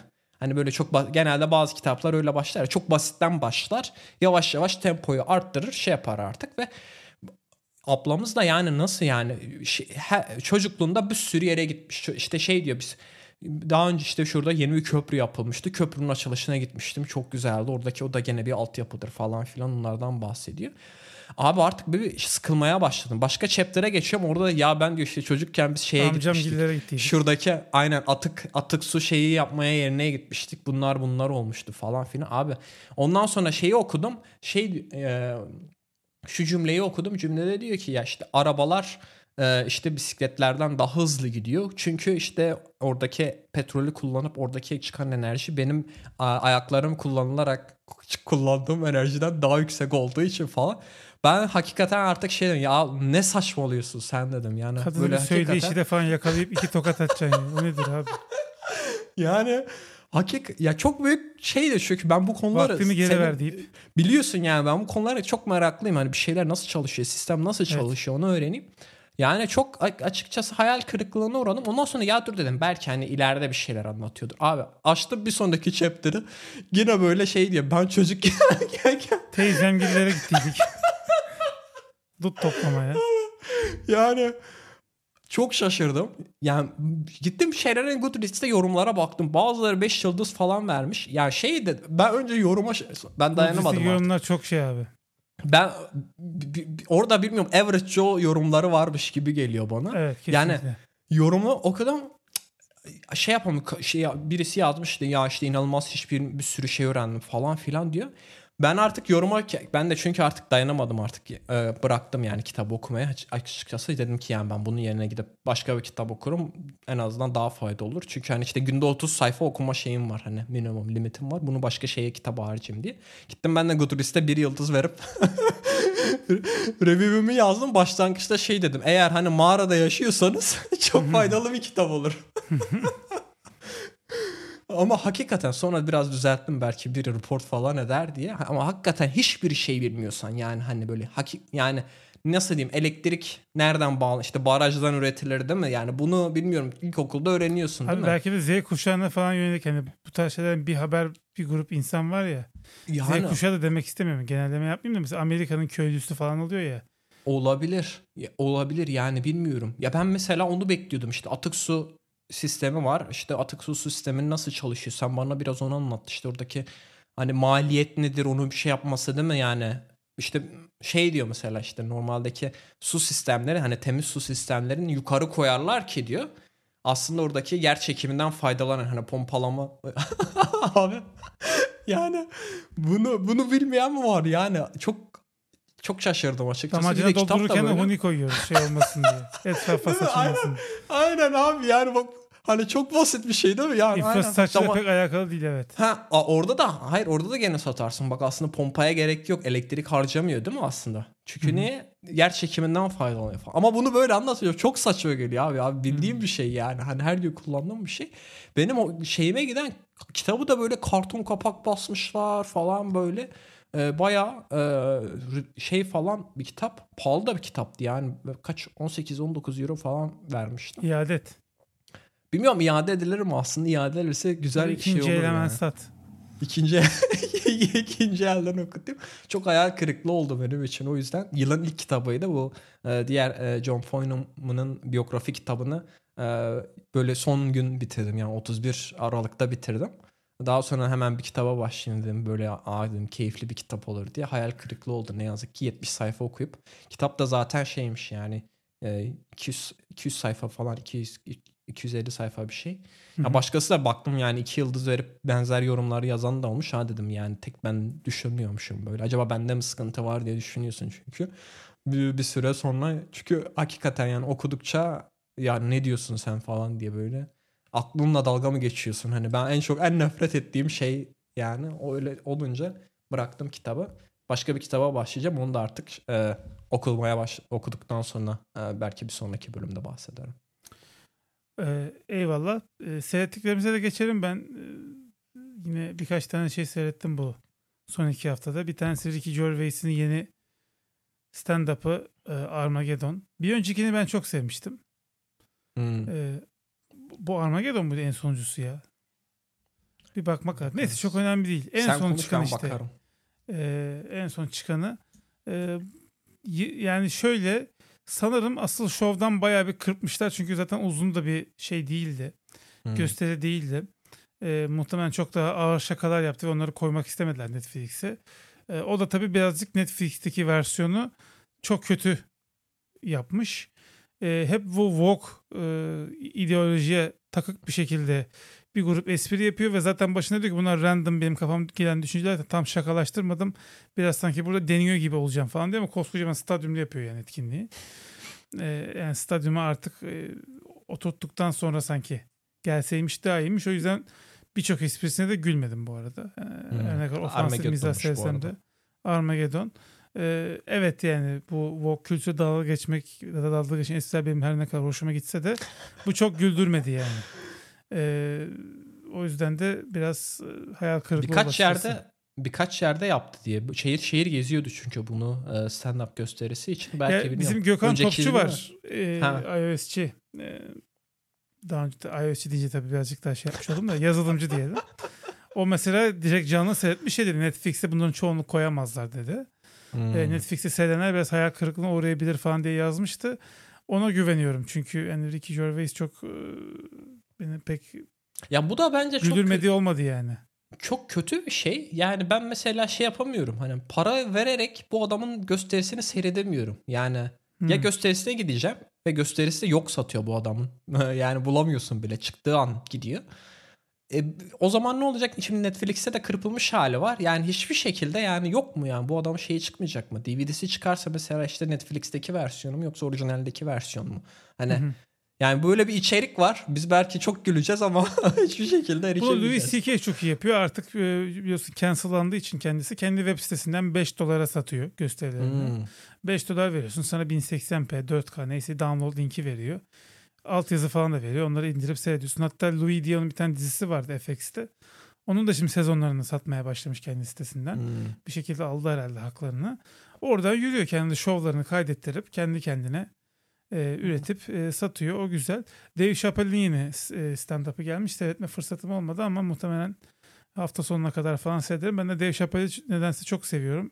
Muhtemelen hmm. duruşundan dolayı aslında esprileri o kadar güldürmüyor beni ama e, çok fazla niga falan dediği için e, esprileri çok fazla. En, N-word e, kendisi öyle diyor. Ne yapayım yani? Ben birisine yöneltmediğim için bunu. O kelimeyi çok kullandığı için falan biraz açıkçası şey oluyor ama e, duruşu tabii adamın bayağı şey muhtemelen yine bu stand-up'da da sürekli trans es- esprileri yaptı. Çünkü ona çok takık ondan çok saldırdılar kendisine. O yüzden hmm. sürekli konuyu şeye bağlıyor. Hatta dün Twitter'a bir tane klip düşmüştü de e, şeyden. E, o da yine e, çok alakasız Jim Carrey ile ilgili bir espri yaparken olayı transa falan bağlıyor. E, yapıyor yani onu. Ama e, Dave Chappelle'in sevdiğim bir özelliği ilk başta yaptığı esprileri en sona tekrardan bağlıyor. Hmm. Ee, ve sen hiç beklemediğin bir yerden bağlıyor ve çok mantıklı bağlıyor. Mesela o yani yeteneği bayağı hoşuma gidiyor benim. Ee, onun dışında da ne seyrettim? Ee, Shaolin Soccer'ı seyrettim. Onu bulamamıştım hiçbir yerde. Torrent falan işte Putio bir şeylerden seyretmeyi düşünürken e, Netflix'e gelmiş. E, Netflix'e gelince görünce bir anda çok şaşırdım ve şey yaptım. Hatta e, ailecek seyrettik yani Shaolin Soccer'ı. Biliyor musun Shaolin Soccer'ı? Yok. E, Kung Fu Hustle'ı biliyor musun? Yok. Oho senin hayatın eksik kardeşim ya. Şimdi bunlar e, Steven Stephen Chow diye bir adam var. Hem yönetiyor hem oynuyor. E, Çin filmi, Çin komedi filmi daha doğrusu. Hmm. Absürt komedi filmi Çinlilerin. E, Kung Fu Hustle, Kung Fu ustası olmak isteyen e, bir sokak serserisini anlatıyor aslında. Ve işte dev Kung Fu çeteleri var. Ve hatta bunların böyle süper güçleri falan da var. E, onlara karşı işte şey yapıyor. Bir kehanet var. Çok güçlü bir adam gelecek falan diye.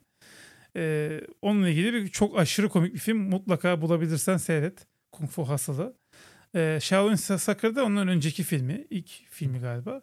Orada da şey Shaolin rahipleri var yine ekstra kung fu güçleri olan. Bunlar bir futbol takımı kurup bütün futbol takımlarını yeniyorlar. Adam böyle bir şut çekiyor orta sahadan gol atıyor falan hani. Bir tanesinin kafası güçlü, bir tanesinin göbeği güçlü. Bir tanesi işte yerde dönerek parende atarak hareketler yapabiliyor. Biri Bruce Lee'ye benziyor böyle kaleci falan. Çok e, aşırı absürt bir film. E, çok böyle kurgu ve efekt kalitesi falan da bek. 2001'in filmi zaten. Hmm. böyle şey yani sonradan yerleştirildi belli falan böyle objelerin. Ama komik yani bir çok gülerek seyrettik. E, Kung Fu Hustle da öyledir. Bir de Kung Pao vardır. E, o bu adamların filmi değil başka bir film. Onu da meraklısı bilir yani. Çok çok meşhur bir filmdir. O da absürt kung fu filmi, komedi. Böyle şeyleri ben seviyorum. Bana absürt komedi filmi de ben bir Recep İvedik falan da anlatmıştım daha önce podcast'te. E, absürt komedi filmlerini severim. Onu seyrettim. Son olarak da aslında onu sona bıraktım. Çünkü yani Netflix'te seyrettiğim en iyi işlerden biri olabilir. Blue Eye Samurai. E, çok görüyordum bir e, aslında Amerikan animesi diyebiliyorum diyebiliyoruz. Avatar da Nickelodeon'un biliyorsun Avatar animesi. Hmm. e, hatta açınca orijinal dilinde açtığı için İngilizce konuşmaya başladı dedim lan bu nasıl iş yani Japon animesinde niye İngilizce konuşuyorlar? Orijinal dili İngilizceymiş. E, önce Japonca seyredim dedim olmadı. Sonra hanımla beraber seyredelim deyince Türkçe dublajı geçtik. Bu Türkçe dublajı da çok başarılı. Hmm. Birçok animasyon işinde olduğu gibi. E, bu da Japonya'nın bu biliyorsun shogunların yönettiği bir 600 yıllık bir dönem var. Batıya tamamen kendilerini hmm. kapattıkları.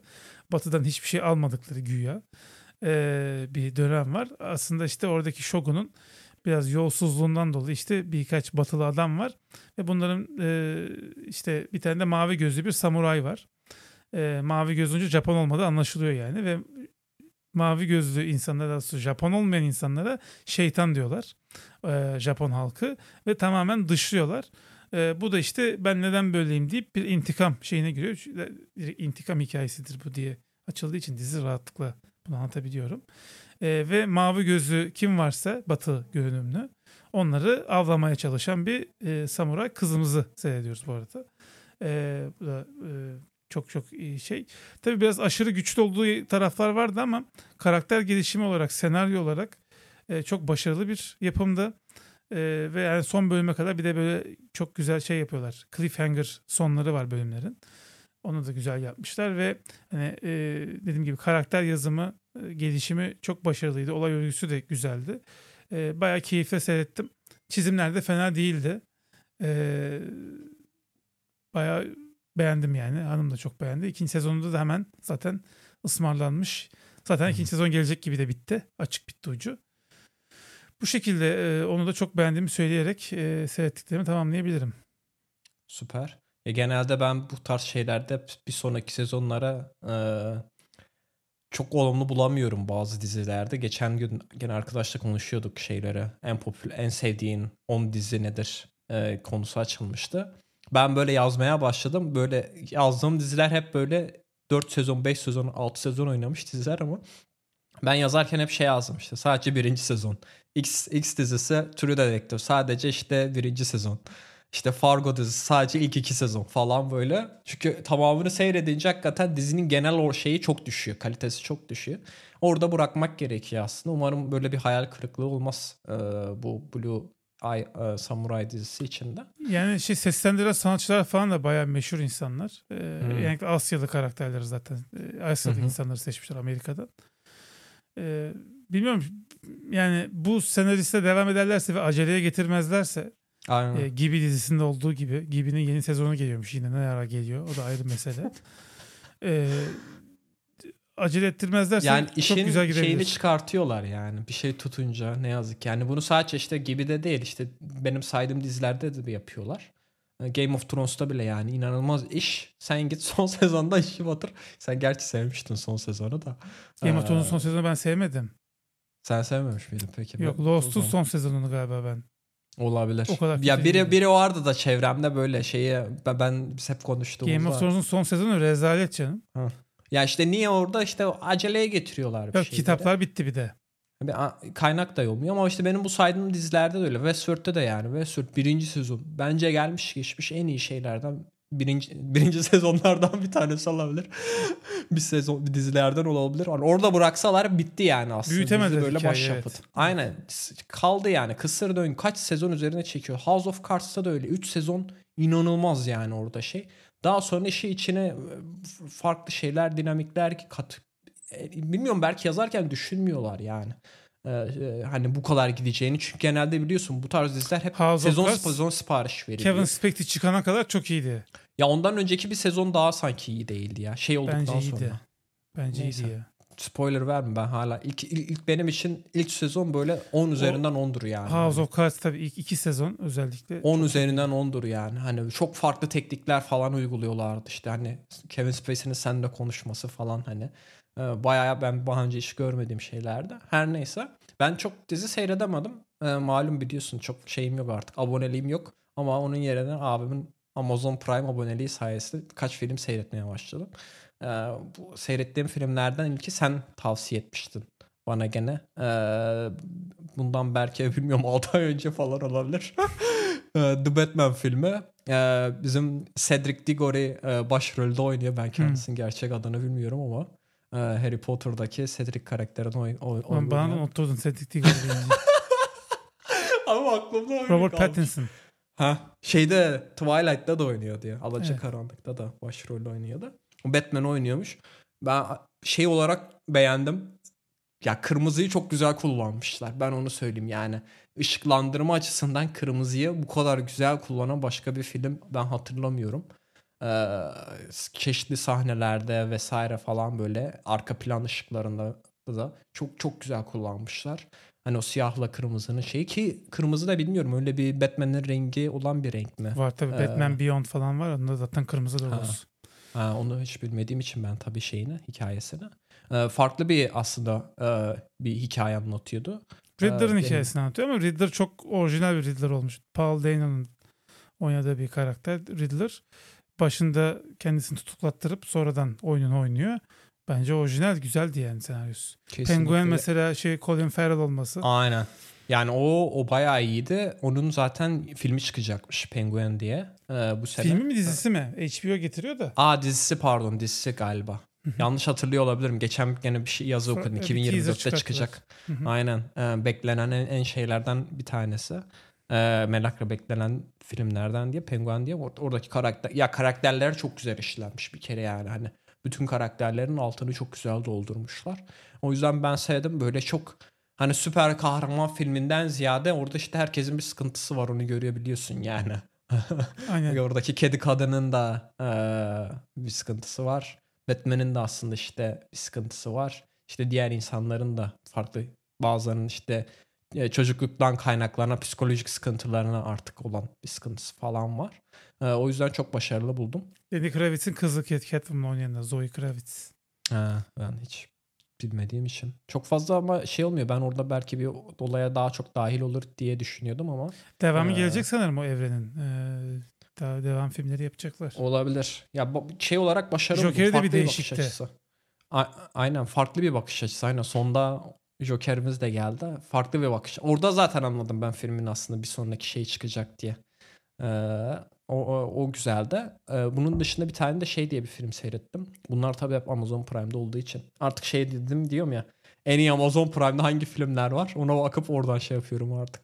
İzlemeye başladım. Ee, The Report diye bir tane ee, film. Burada da şey oynuyordu. Ha biliyorum. Orada da Pattinson oynamıyor mu ya? Yok Adam neydi adam? Ha, Adam Driver. Adam Driver, Tamam. Adam Driver. Adam 11 Driver Eylül olayı. Aynen 11 Eylül olayından sonra Amerika'nın aslında işkence yöntemleri kullanarak nasıl normalde suçsuz olan insanları e, çoğu bazılarının ölümüne de neden olduklarının ortaya çıkartan bir tane Rapor. e, a- e, araştırma aynen araştırmacı rap- raporu konu alıyor ama işte daha çok işte raporu yazan kişinin o raporu nasıl yazdığı ve bu raporun ortaya çıkması için ne kadar çok uğraştıklarını ortaya şey yapıyorlar. Tabii sonunda da gene bir güzel bir Amerikan hikayesi. Biz suç işlesek de gene biz kendimiz o suçu ortaya çıkartıyoruz. Diğer ülkelere gösteriyoruz. Bakın bize böyle suç işlenirse de gene de biliyorsunuz saklanmıyor falan. Gene güzel bir Amerikan şeyi de satıyorlar ama e, tabii korkunç orada listemde yaşanan vardı şeyler çok korkunç. Ama bir açıdan da şeyi e, görüyorsun e, hala böyle iyi duygulu insanlar var. Hani bu tarz şeylerin ortaya çıkması için canla başla kendilerini tehlikeye atıyorlar. Hani kendi mesleklerini, işini tehlikeye atıp çalışıyorlar. Orada işte senatör kadın da gene ortaya çıkması için uğraşıyorlar falan. Bayağı çünkü e, engellemeye çalışıyor CIA orada gene rapor ortaya çıkmasın diye. Elinden gelen her şeyi yapıyorlar. O da güzel bir e, film de e, çok yani tek bir konu üzerine odaklanmış. Oyuncu zaten iyi bir oyuncu. Bayağı oyun, şeyi taşıyorlar. Çok e, fark etmiyorsun zamanın nasıl geçtiğini. Onu bir oturuşta seyredebildim yani. Hiç şey olmadı yani. Batman'de de gene aynı şekilde. Hani güzel filmi ben biraz oradan anlıyorum. Sıkılıp bir şey yapıyorsam böyle parça parça seyrediyorsam demek ki yani şey değil yani o kadar ilgi çekici değilmiş benim için diyorum. Son olarak tabii bu kadar HBO dizisinden bahsettik. Ee, HBO'nun da çatı şirketi olan Warner Blue TV'nin belli bir yüzdesine sahipti. Şimdi tamamını satın almış oldu. Böylece Blue TV artık Warner Bros. Discovery grubunun oldu. Ee, Onun içerisinde HBO da var. Ee, Böyle olunca da tabii şu an yavaş yavaş HBO dizilerini bunlar daha çok Blue e, Tot'taydı yani Beyin Connect'teydi. Hı. Ee, oradaki diziler işte White Lotus olsun e, Succession zaten gelmişti diye hatırlıyorum. Ee, böyle birkaç tane işte Band of Brothers geldi mesela full. Oo. Ee, onların hepsi Blue TV'ye geldi. Ve gelmeye de devam ediyor. Bundan sonra muhtemelen HBO dizilerini Last of Us satan oradaydı. Bundan sonra bütün Böyle hepsini dedince- şey. Reklammış gibi oluyor ama yani hani hakikaten e, bence değinilmesine gereken bir konu. Çünkü e, hani HBO dizilerine bu şekilde bir de fiyat anlamında da aslında çok uygun şeyi karşılaştırırsanız diğer e, streaming servisleri. Hani HBO da zaten en kaliteli işleri ortaya çıkartan servislerden bir tanesi. E, bazı yöntemler de onları da söyleyelim hatta. Yani insanlar hani uygun fiyatlı alsınlar. Ee, bu dediğim gibi reklam falan değil tamamıyla sizler için. Hepsi burada mı böyle premium Amazon Prime gibi muhtemelen bir tane şeyi varmış. Oradan yıllık ab- abonelik alınca bayağı uygun fiyata getirebiliyormuşsunuz. Yani 180 liraya bir yıllık HBO aboneliği almak gibi düşünebilirsiniz. Ben bunu duyunca ya dedim ben de kendimi alayım. Buradan seyredeyim. HBO burada da çünkü saçma bir tane WoW diye bir streaming servis var. Daha önce de söylemiştim. Hep 6 aylık abonelik satıyorsan 10 euro istiyorlar onlar da falan. Çok yani şeyleri, player'ları falan, app'leri falan da çok saçmaydı. Ee, çok gıcık olmuştum. O yüzden böyle bakıyordum alternatif falan var mı diye de. Ne yazık ki şey yapamıyorsun ya. Blue TV'ye Türkiye'den alıp e, Almanya'dan ya da işte Hollanda'dan açıp izleyince o şeylere erişemiyormuşsun.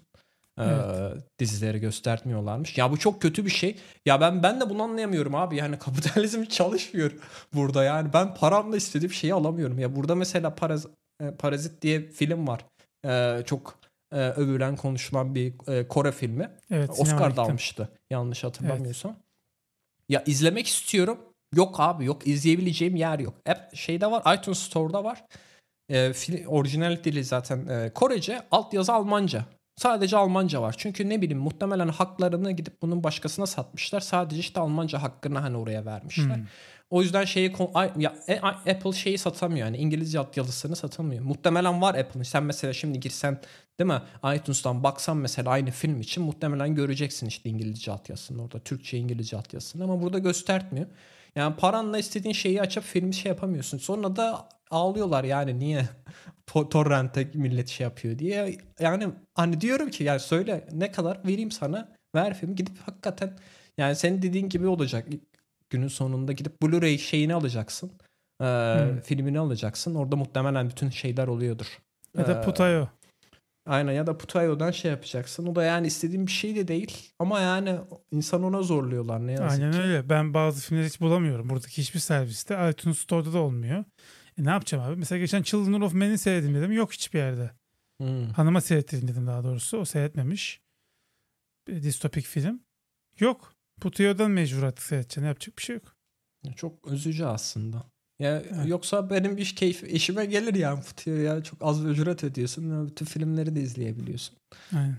Yani çok uğraşmıyorsun da aslında. Ee, bilmiyorum. Herhalde şey o yani çözüm böyle gidişle. Çünkü şeyi de görüyoruz aslında bu ee, ona da değinmek lazım. Bizim aslında bu konuyu e, programımıza almamızın nedenlerinden bir tanesi artık streaming servisleri. Şimdi bütün bu e, büyük e, yapımcılar e, streaming servisine girdikleri için e, iş artık karlı bir şeyinden çıkıp sadece Netflix'in kar elde ettiği bir sistemi haline geldi bu streaming servisleri. O yüzden Netflix e, etmiyor kar. Etmiyor mu? Ben sanki zarar Netflix, açıklamış. Gene mi?